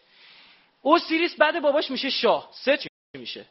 میاد اوسیریس میزن تیکه تیکش می‌کنه. 14 تا برادر خودشو. تیکه تیکه می‌کنه برادرشو. هر تیکهشو یه جای کره زمین قایم می‌کنه. خب؟ بعد زن ایسیس زن اوسیریس می‌دونید که خواهرشه ایسیس. الگوی ازدواج با محارم جالب اینجاست. به محض اینکه یهودی ها در داخل تمدن هخامنشی نفوذ می‌کنه الگوی ازدواج با محارم هم پیش میاد. کمبوجیه با خواهرش ازدواج می‌کنه. ویس و رامین شما می‌شناسین عاشق معشوقا بودن. خواهر و برادرن اینا. موارد متعدد دیگه. کار ندارم. اینو می‌کشه حالا ایسیس یهویی مطلع میشه که آقا شوهر ما رو کشتن. بلند میشه میاد یه تیکش کنار رود نیل بقیه‌اش نیست. کجاست سر تا سر دنیا؟ میره میچرخه همه تیکه ها رو پیدا می‌کنه. به غیر از یک تیکه. ببخشید آلت تناسلیش رو پیدا نمی‌کنه. سیزده تکش رو بیشتر پیدا نمی‌کنه. سیزده تکه. اما جالب اینجاست که از در همچین حالت این بچه دار میشه از اوسیریس. آقا این که نقص فنی داشتین اصلا همچین چیزی همچین چیزی امکان نداره. فلان عزیز دلم میگه هروس. فرزند ایسیس و اوسیریس بدون پدر متولد شد. آن شیطان بود در ایسیس حلول کرد و او را بچه دار کرد. همینو کجا دیدی؟ ماجرای حضرت مسیح. خدا میگه بچه بدون پدر می‌خوای؟ بیا. ببین از این دیدگاه که نگاه بکنی تمام رفتار برات معنا پیدا می‌کنه. فرمول جامع داره حتی دفتار الهی. خب بگذاریم. همین آلت تناسل این بنده خدا که گم شد معلومه دریا مدیترانه جا فلان اسمش آبلیسکه. یک ستون چهار وجه که نوکش یک هرم داره. در تر سر تا سر دنیا اینو میپرستن. عزیزم گوش کن. در سر این بحث جدی جدیه. جنبه داشته باش. در سر تا سر دنیا تو میادینشون obelisk گذاشتن میپرستن اینا. الان نشون میدم براتون. بچه ها نگاه کنید. ایسیس بهتون گفتم. درسته؟ بسیاری از شرکت ها شما فقط کافی. اصلا عکس ایسیس هم زده. خیلی عجیبه کشورهای غربی آقا مگه اونا خودشون خدایان و نمی‌دونن اینجور چیزا؟ نداشتن زمان قدیم. یونان و روم پر خدا بوده. آب برق گاز تلفن دفتر دفتر همه چی خدا داشته واسه خودش. اینو چی جوریه میاد؟ این تفکر نفوذی اونه. مجله ISI که آرزوت اینه یه وقت مقاله از تو بزنه اسم اصلیش ISIS. برو توی about me about us اون بخششو بخون. وقتی تاریخچه‌ش رو داره نمیگه میگه که یک Freemason این رو بنیان گذاری کرد. این تک چشمشون که تو مصر باستان بعدا اومد. ببین همین رو توضیح داره. ستاره شش برم میگذریم. این همون آنخه. دوستان نگاه کن آنخ. بعدا میشه سمبل کنونی زن. نماد فمینیزم. اگه به زنا داره ظلم میشه تو دنیا واقعا هم داره ظلم میشه. حقه؟ خب پس نه گوش کن. توی اروپا همین الان تو دنیا یه جنبشی مردا رو انداختن به اسم فالیسیسم. میگن زنا در حق ما دارن ظلم می‌کنن. سرکاریه. فقط کافی بعد برای شما بزن تو سر و کله همدیگه بالایی برنامهشو ببنده. خیلی ساده دانشجو. خیلی. این گونیا ها پرگار. جی حرف وسط اینم اون بزی که عرض می‌کردم خدمتون. بز تو ستاره پنج پر جا میدن. ببین پوزش یه نوع دوتا گوشاش و دوتا شاخاش. خب اینا تون میگذره همه اینو توضیح داره ها. خب توضیح بدم اینو؟ از ساکت فریمیسن ها و شیطان پرستان وقتی به هم می‌رسن سلام خاص خود. اصلا فراماسونی روش های مختلف به هم دیگه سلام میدن. ببین یه فراماسونی چون عضو یک شبکه مخفی به روش های مختلف اثبات می‌کنه که من هستم. نگاه کنید. یه نوع خاص اینو دست میدن. در گذشته اینجوری بود. خوب نگاه کن. با انگشت شستش من نمی‌تونم خودم با خودم دست بدم شما این دست رو برعکس فرض کن. با انگشت شستش بستگی به اینکه کدوم بند انگشت طرف مقابل رو فشار بده می‌گفت من تو این لوژی که هستم رتبه چندم دارم. بعد یه نفر تو خیابون همینجوری می‌داد همیشه اینا همینجوری دست می‌دادن. اگه یه نفر شما که خبر نمیفره ماسونری چیه؟ مخفیه این تا با دست می‌داد اگه فشار می‌داد به انگشت تو اگه ماسون نبودی که می‌گفتی مردی که مریضه. خب؟ اگر ماسون بودی تو هم پاسخ خاص خودشو داشت متوجه می‌شدی. یا این بود که دستشون اینجوری میبردن زیر کتشون. خب؟ کی اینجوری عکس داره؟ مارکس. مارکس فرزند سوم یک خانواده هشت نفری یهودی عزیزم. جنبش کمونیسم یهودی ها را انداختن. 22 تا وزیر اولین دولت کمونیستی شوروی برن بخون. 17 تاش یهودی هن. کجا کف جنگ و جدل این بالا رو انداختن. شما لیبرالیست کمونیست فلان اون بالا داره برنامه‌شو میبنده. با کی کار ده اما نکته این نماد هم به این سادگی ها نیستش. الان اخیرا اگر جز بزرگان فراماسونری باشه موقع دست دادن با شست پشت طرف دستو دست طرف اینجوری فشار میدن. ببین با دست راست باید این کار انجام بده. با دست چپ قبول نیست. نه اینکه نکنن خیلی کم پیش میاد. توی ماسون ها کسی که خیلی این قاعده رو معمولا فراموش می‌کرد جورج بوش بود. معروف بود در بین میسن ها به این مسئله. همیشه بعضی موقع یادش می‌رفت مثلا اگه این دستش مشغول بود چیزی دستش بود با این یکی دستش نشون می‌داد. اگر این دست باشه باید شستشو باز بکنه. الان این دست شست باز بکنی معنی نداره تو فراماسونری. اما به معنی چیه؟ آی لاو یو این معنی دیگه داره. تو Freemasonry پس این دست رو تو هر حالتی گرفتی تو دست چپ شست باید باز بشه. اینا رو داشته باش. بهش میگن horned hand cornuto یعنی سلام بر تو. این یکی از شاخهای Freemasonry Skull Bones ه استخوان و سر اسکله. نگاه کن عزیزم. اسکله بالای دو تا استخوانه. پشت سرش نیست دقت کن. تمام اینا ریز. به شدت اینا نمادگران. خیلی ریزه. این اگه پشت سر اسکله نماد مرگ چیز دیگه است. این بنیانگذار ایالات متحده جورج واشنگتن تصویریه که جلو کاخ سفید قشنگ موجود کاشیکاریش کردن زدن بغل دیوار. به قول عکساش هم خیلی زیاده. نگاه بکن صفحه شطرنجی گونیا پرگار تکچش جی این بالا ستاره پنج پر. دیگه مالم دستش بگیر من ته ماسونم دیگه بنای بنا. نگاه کن عزیزی که به آمریکا گیر داده بودی. نگاه بکن این گونیا و پرگار جی هر این چیه؟ بنای یادبود جورج واشنگتنه. اینجا این مجسمه جورج واشنگتن این بز بفومت شیطان پرستان. نگاه کن. دستشو هر حالتی گرفته دست چپش یه شست اضافه شده. درسته؟ می‌بینید؟ مشخصه. چرا جورج واشنگتن اینجوری درست کرده؟ تو نگاه بکن تمام فیلم جنگیر وقتی اون یارو جن... مجسمه رو از زیر تو بغداد توی بابل عراق کشید بیرون مجسمه چه شکلی بود؟ همینطوری بود دستش. میگن خدای بعل اینجوری بوده که یکی از شیاطین بوده از دیدگاه اینا. این کیه؟ اموسان پدر بزرگ امریکا. توی راهپیمایی همین آتیشش میدن. کلاشو ببینید همین آتیشش میدن. نماد شده.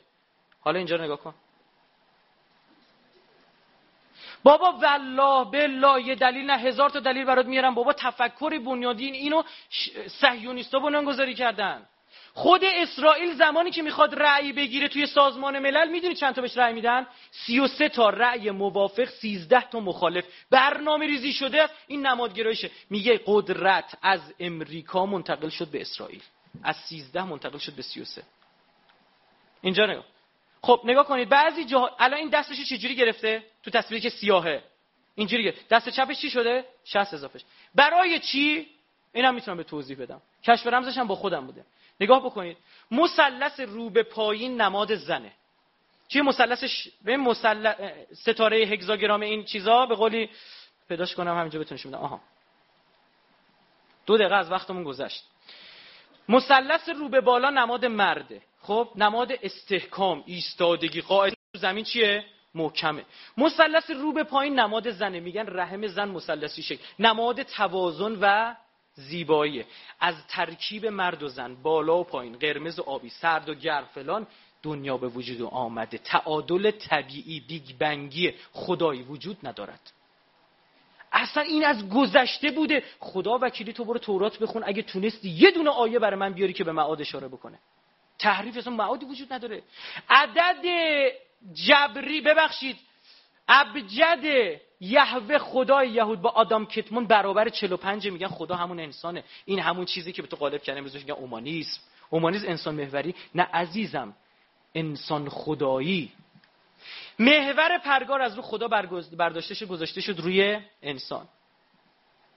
اینجا این سایت خودشون گرفتیم نگاه کنید the most powerful and evil sign in Satanism. مهمترین علامتشون اینه. بگذاریم اینا که بریم همون تصویری که داشتن توضیح می‌دادم خدمتتون. اولین پرچمی که برای ایالات متحده پیشنهاد میشه.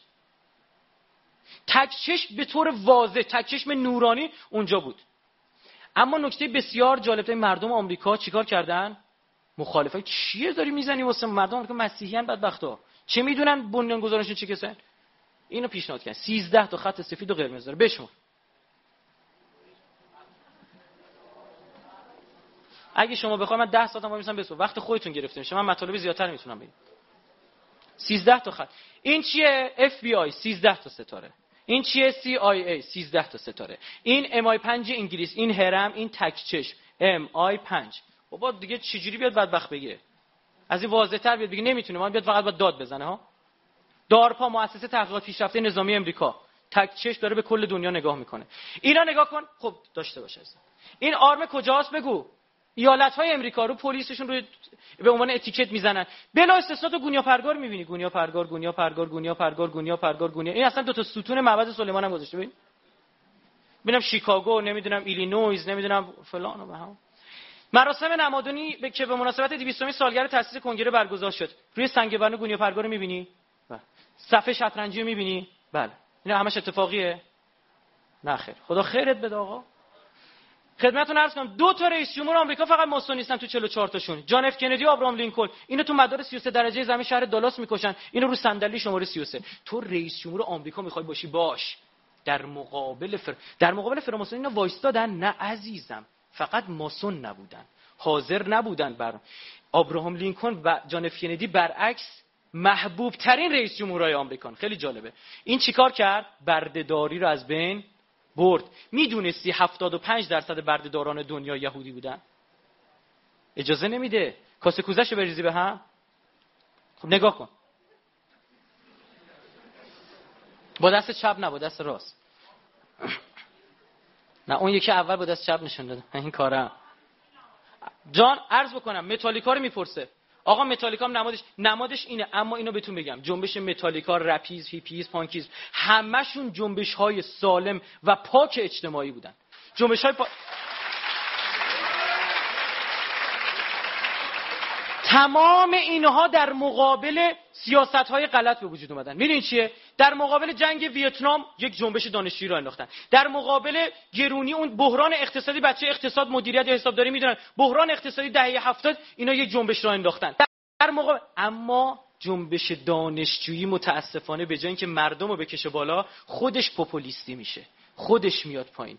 بلا استثنا بخواد جنبشی را بیفته میان سری درش نفوذ می‌کنن. اومدن نشانه های خودشونو گذاشتن و به قهقرا بردن. الان می‌تونه ادعا بکنه بگه متالیکا رو من به وجود آوردم. همون جوری که پس ورده میگه نمی‌دونم حزب الله لبنان من به وجود گفتم نماد گراییشو ایجاد می‌کنه که پس ورده بتونه ادعا بکنه.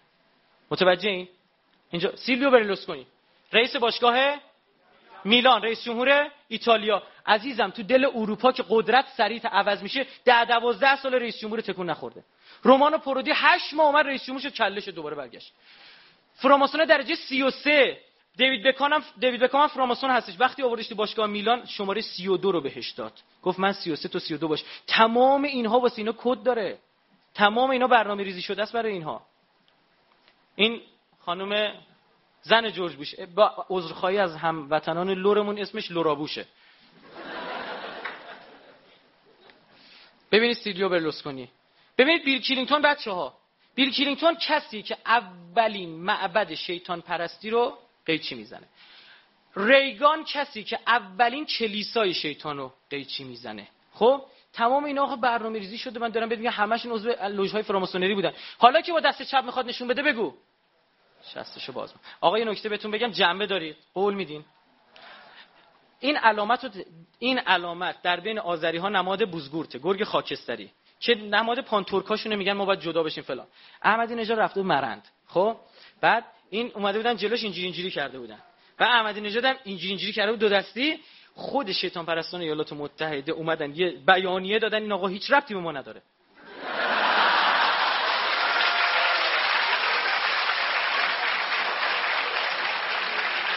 خب بچه ها گوش کنید. این کیه؟ بابای جورج بوش درسته؟ نگاه کنید هرمی که داره اینجا بازی می‌کنه عکسی ازشون گرفتن اینو خود امریکایی‌ها گرفتن. خیلی جالبه. عکسی که گرفته به نوک هرم فرق می‌کنه. اینا هم کیان؟ خواب بوشن اون بغله دوستان جورج بوش بعد از اینکه در کشورش محققینی پیدا شدن این نمادها رو میشناختن اومدن فشار آوردن. گفتن این نماد فروماسونری و شیطان پرستی تو چرا داری از این نماد استفاده می‌کنی؟ گفت من طرفدار تیم تگزاس لانگهورنزم تگزاس لانگهورنز نمادش این شکلیه. دو دست به پشت. اصلا هیچ یعنی تو دو دسته هم اینجوری بگیری نیست یه دسته تو اینجوری بگیری فلان. خیلی دقیق. بعد من یه سوالی دارم از جورج میگم که حالا ببین تگزاس لانگهورنز خب تیم چیه؟ تیم فوتبال آمریکاییه. تیم راگبیه. طرفدار تیم راگبی یه دانشگاه. مثلا فکر کن رئیس جمهور ما طرفدار تیم نمی‌دونم مثلا ارسوت نوشهر نمی‌دونم چی چی باشه. بعد باشه بره توی فکر کن مثلا استرالیا مثلا علامتش مثلا چیزی مثلا اینجوری باشه. هی بره اینجوری اینجوری اینجوری بکنه. مثلا مسخره است. جالبتر می‌دونی چیه؟ مثلا اگه رئیس جمهور ما یه تیم علم و صنعتی رو باز انتخاب کنه میگیم اونجا درس خوندی. درسته؟ اما می‌دونید خودش تو یاله درس خونده. چه ربطی داره؟ در حالی هم که نماد شباهتی نداره. اما با پیدا شدن این عکس و لو رفتن این عکس دیگه ایشون هیچ صحبتی راجع به این مسئله نکرد. توی فیلم انتخاباتیش هم که دارم میدم به مسئولین برنامه ازشون بگیرید. در ضمن کلیه این مطالب و خیلی هم بیشترش توی مقاله 257 صفحه پی دی اف میدم به همین اجرا کنندگان برنامه ازشون بگیرید. خدمتتون عرض بکنم که جان؟ سوالا من گفتم 5 بعد تموم کنم 5 و 10 دقیقه است. فقط اینو می‌خوام برم. عزیزم گوش کن پس پس بذارید تند تند ادامه بدیم. ببینید توی این گروه Skull and Bones حواسا جمعه. توی گروه Skull and Bones خوب گوش کن. توی گروه Skull and Bones مسئول ritual man بوده مسئول خوندن دعاهاشون بوده. ببین اینم علامت Skull and Bones. نگاه کن اسکل کله بالای دو تا استخونه ها خوب دقت بکن. پشتش نیست. اگه شمشیر باشه که میشه نماد دزدای دریایی. ریگان نگاه کنید. در رونالد ریگان رئیس جمهور جمهوری خواهی سابق آمریکا در مراسم کسب گواهینامه ماسونی یک فراماسونی در کاخ سفید. evil supports Bush شیطان بوش رو support می‌کنه. Satan شیطان داخل قلبم بوش در جشن هالووین اینو شرکت کرده. اینجا نگاه بکنید. این از اون مواردی که سوتی داده با دست چپ چیز کرده. نگاه کنید با این دست با دست. هر جا میره آقا این مگه چیه؟ برای چی اینقدر تاکید داری بر این مسئله؟ حالا اینجا رو نگاه کنید. یه دقیقه آروم نگرفته. در دیدار با مریض یواشکی اون زیر. اما اینهایی که دارید می‌بینید نشان فراماسونری نیست چون با دو دسته. یک این تام رایده. این در سخنرانی ها در ممکنه پیش بیاد. درسته؟ یه لحظه عکس بگیرد طرف مثلا داره صحبت می‌کنه اینجوری داره میشمره یه لحظه پیش بیاد. یا این پس رابرتسون رهبر ایونجلیستای آمریکاست. من بخوام ثابت کنم با همین عکس که اینو ماسونن خیلی به دردم می‌خوره اما قبول ندارم آد پژوهش باید سالم باشه. اینم دختر جربوش شرمنده مجبور شدیم خودمون یه مقدار محجبش کنیم. ما سونا وقتی به هم دیگه می‌رسن گفتم روی نمی‌دونم لنگ رو لنگ انداختن راه رفتن فلا همینا نمادینه. وقتی به هم می‌رسن دست راست میره پشت شونه چپ طرف. اینو مثلا همینطور می‌زنن ببخشید دست چپ میره پشت شونه راست. بعد پای راست هم میرن جلو. تودی و معارفه اوباماست. اینو نگاه کنید آفیش تبلیغاتی اوباما. هرم تک چشم نور میده. با دست چپ انگشتشو باز کرده. اینجا که دیگه تابلو گونیا پرگار یه دست سیاه یه دست سفیده. برای رئیس جمهور اولین رئیس جمهور سیاه‌پوست آمریکاست. بعد خیلی مچلی اگه فکر بکنی. حالا مثلا عزیزم در انتخابات اول جورج بوش رقیبش کی بود؟ الگور اون یکی جان کری. درسته؟ هر سه عضو اسکال بونز بودن. یعنی اینکه از گروه ربات دانشگاه آزاد قزوین یکی می‌خواد در مسابقه یا تو فلان جلسه شرکت کنه. مهم نیست که فقط این دانشگاه نماینده داشته باشه. انتخابات بعدی. اوباما و جان مکین هر دو عضو بیلدربرگ. هیچ فرقی نمی‌کرد. اما باید این می‌شد. رسانه چرا؟ داشته باش عزیزم. داشته باش. برادرم خواهرم عزیزم 44 امین رئیس جمهور آمریکاست. حتما منتظر اتفاقم قطعا. چرا؟ برای 1776 مگه سال استقلال آمریکا نبود؟ 1945 ماسون ها از سال آمریکا می‌گفتن سال طلایی گلدن یر گفتن اتفاق بزرگ قرار بیفته. جنگ جهانی تموم شد آمریکا شد ابرقدرت دنیا. درسته؟ تمام کشور دنیا در داغون شدن این سالمون. 1776 از 1945 کم کن میشه 169 13 ضرب در 13 تو این زمان بمب اتم میندازه تو مدار 33 درجه زمین. هیروشیما ناکازاکی در زمان 33 می رئیس جمهورش دور اومد. ببین اینجوری نمادگراست. اینم 44 بعد اینجا رو اسمش چیه؟ باراک حسین اوباما جونیور. درسته؟ باراک اسم غربی. حسین اسم اسلامی خاصتا شیعی. اوباما اسم یه جزیره تو جنوب شرق آسیا وقتی رئیس جمهور شد سه روز اونجا تعطیل کردن. خودش مشکی آفریقایی کنیایی چه آفریقا هم هستش. ضمن تشکر وقت به اتمام رسید. تمامش می‌کنم. چشم. جوابتو گرفت عزیزم. برو بیرون.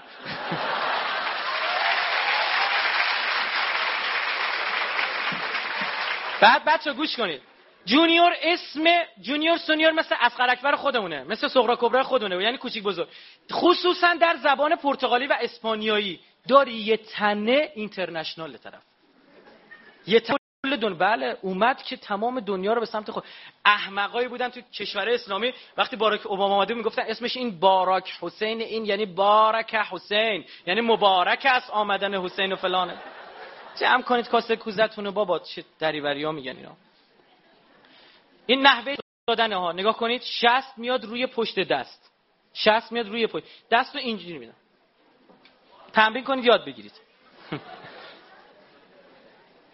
خب بچه ها اینجا نگاه کنید زمانی که داره مهر اعظم ایالات متحده رو نصب می‌کنه که یکی از کارهایی که حتما یک رئیس جمهور باید انجام بده تو ایالات متحده داره نصب می‌کنه عکسی از انگوش. این خود امریکایی‌ها گرفتن. گروه های مبارزه با Freemasonry آمریکاست. جالب اینجاست توی امریکا اینا ردشون رو پیدا کنن می‌زنن.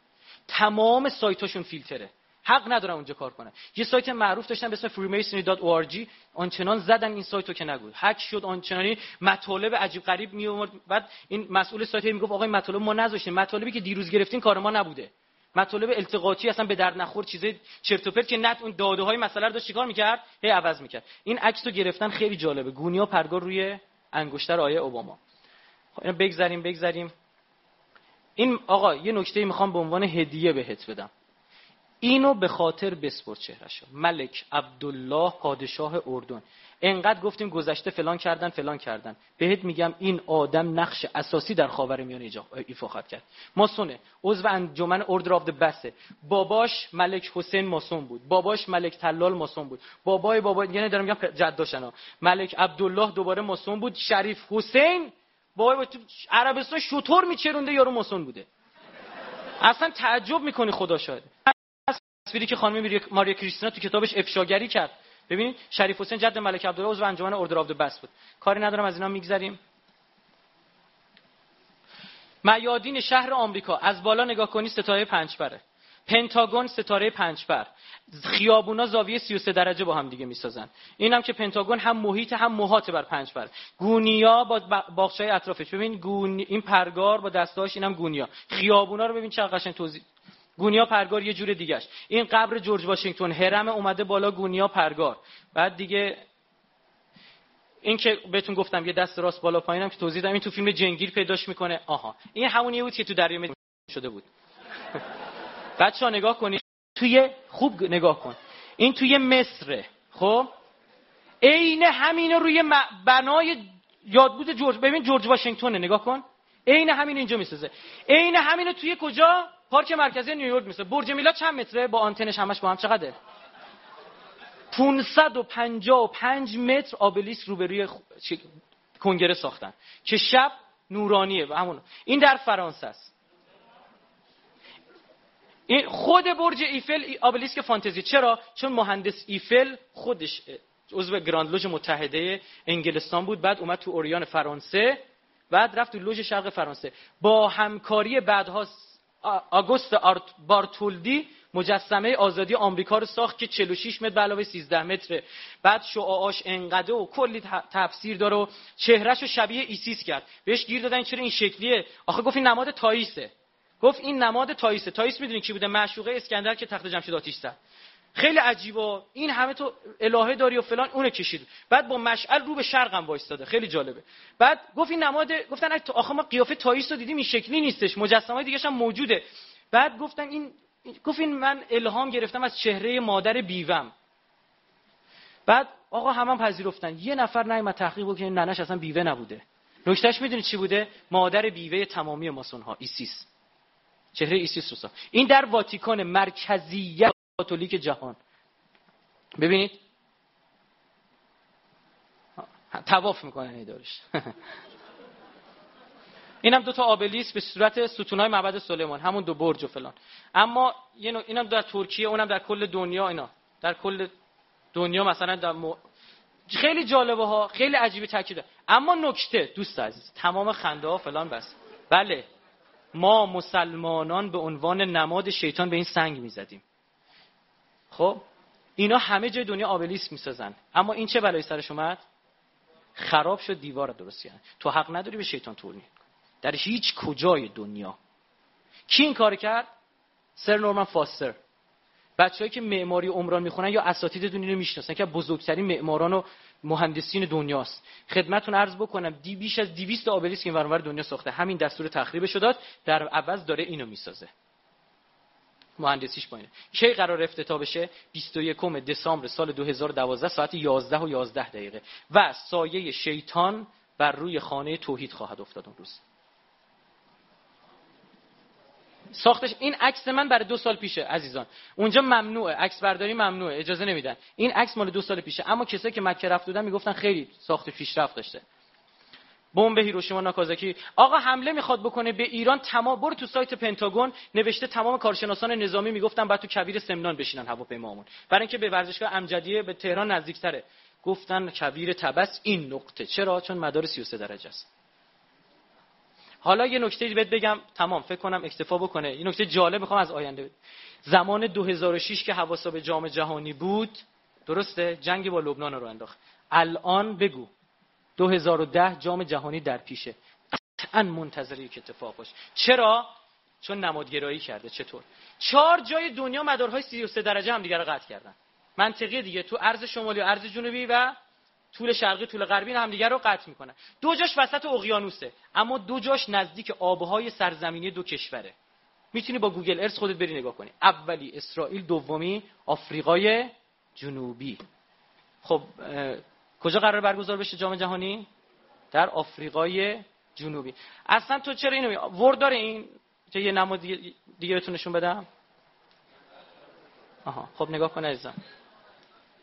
جان من متوجه نمیشم چی. نگاه کنید دوستان. شماره پروازی که میگن ها من مورد این خوب تحقیق نکردم. یه چیزی رو خوب تحقیق کرده باشم محکم میگم ده تا دلیلم بخواد واسط میره اما اونی که میگم خوب تحقیق نکردم گفته شده. شماره پروازی که خورد به برج های تجارت جهانی. کپسولا ها کیو؟ کیو؟ 33 ان وای. شماره پرواز بود.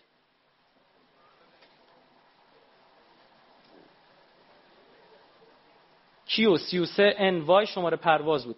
و خب خیلی دیگه نشه. اگر بری من این فونتاش کجا رفته این؟ کدوم یکیه؟ من فکر کنم آوردمش. نه فونتش نیست هنوز. دومی؟ آها احسن.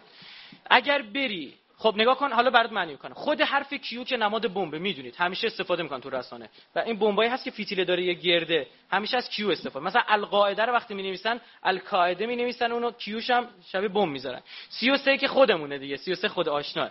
NY هم نیویورک قراره یک اتفاقی بیفته. تو Word 97 برو بنویس. تو Notepad می‌خوای برو بنویس. تو Word هر جا دلت می‌خواد برو بنویس. بیا فونت Wingdings رو انتخاب بکن. Wingdings میشه یه هواپیما که می‌خوره به دو تا برج.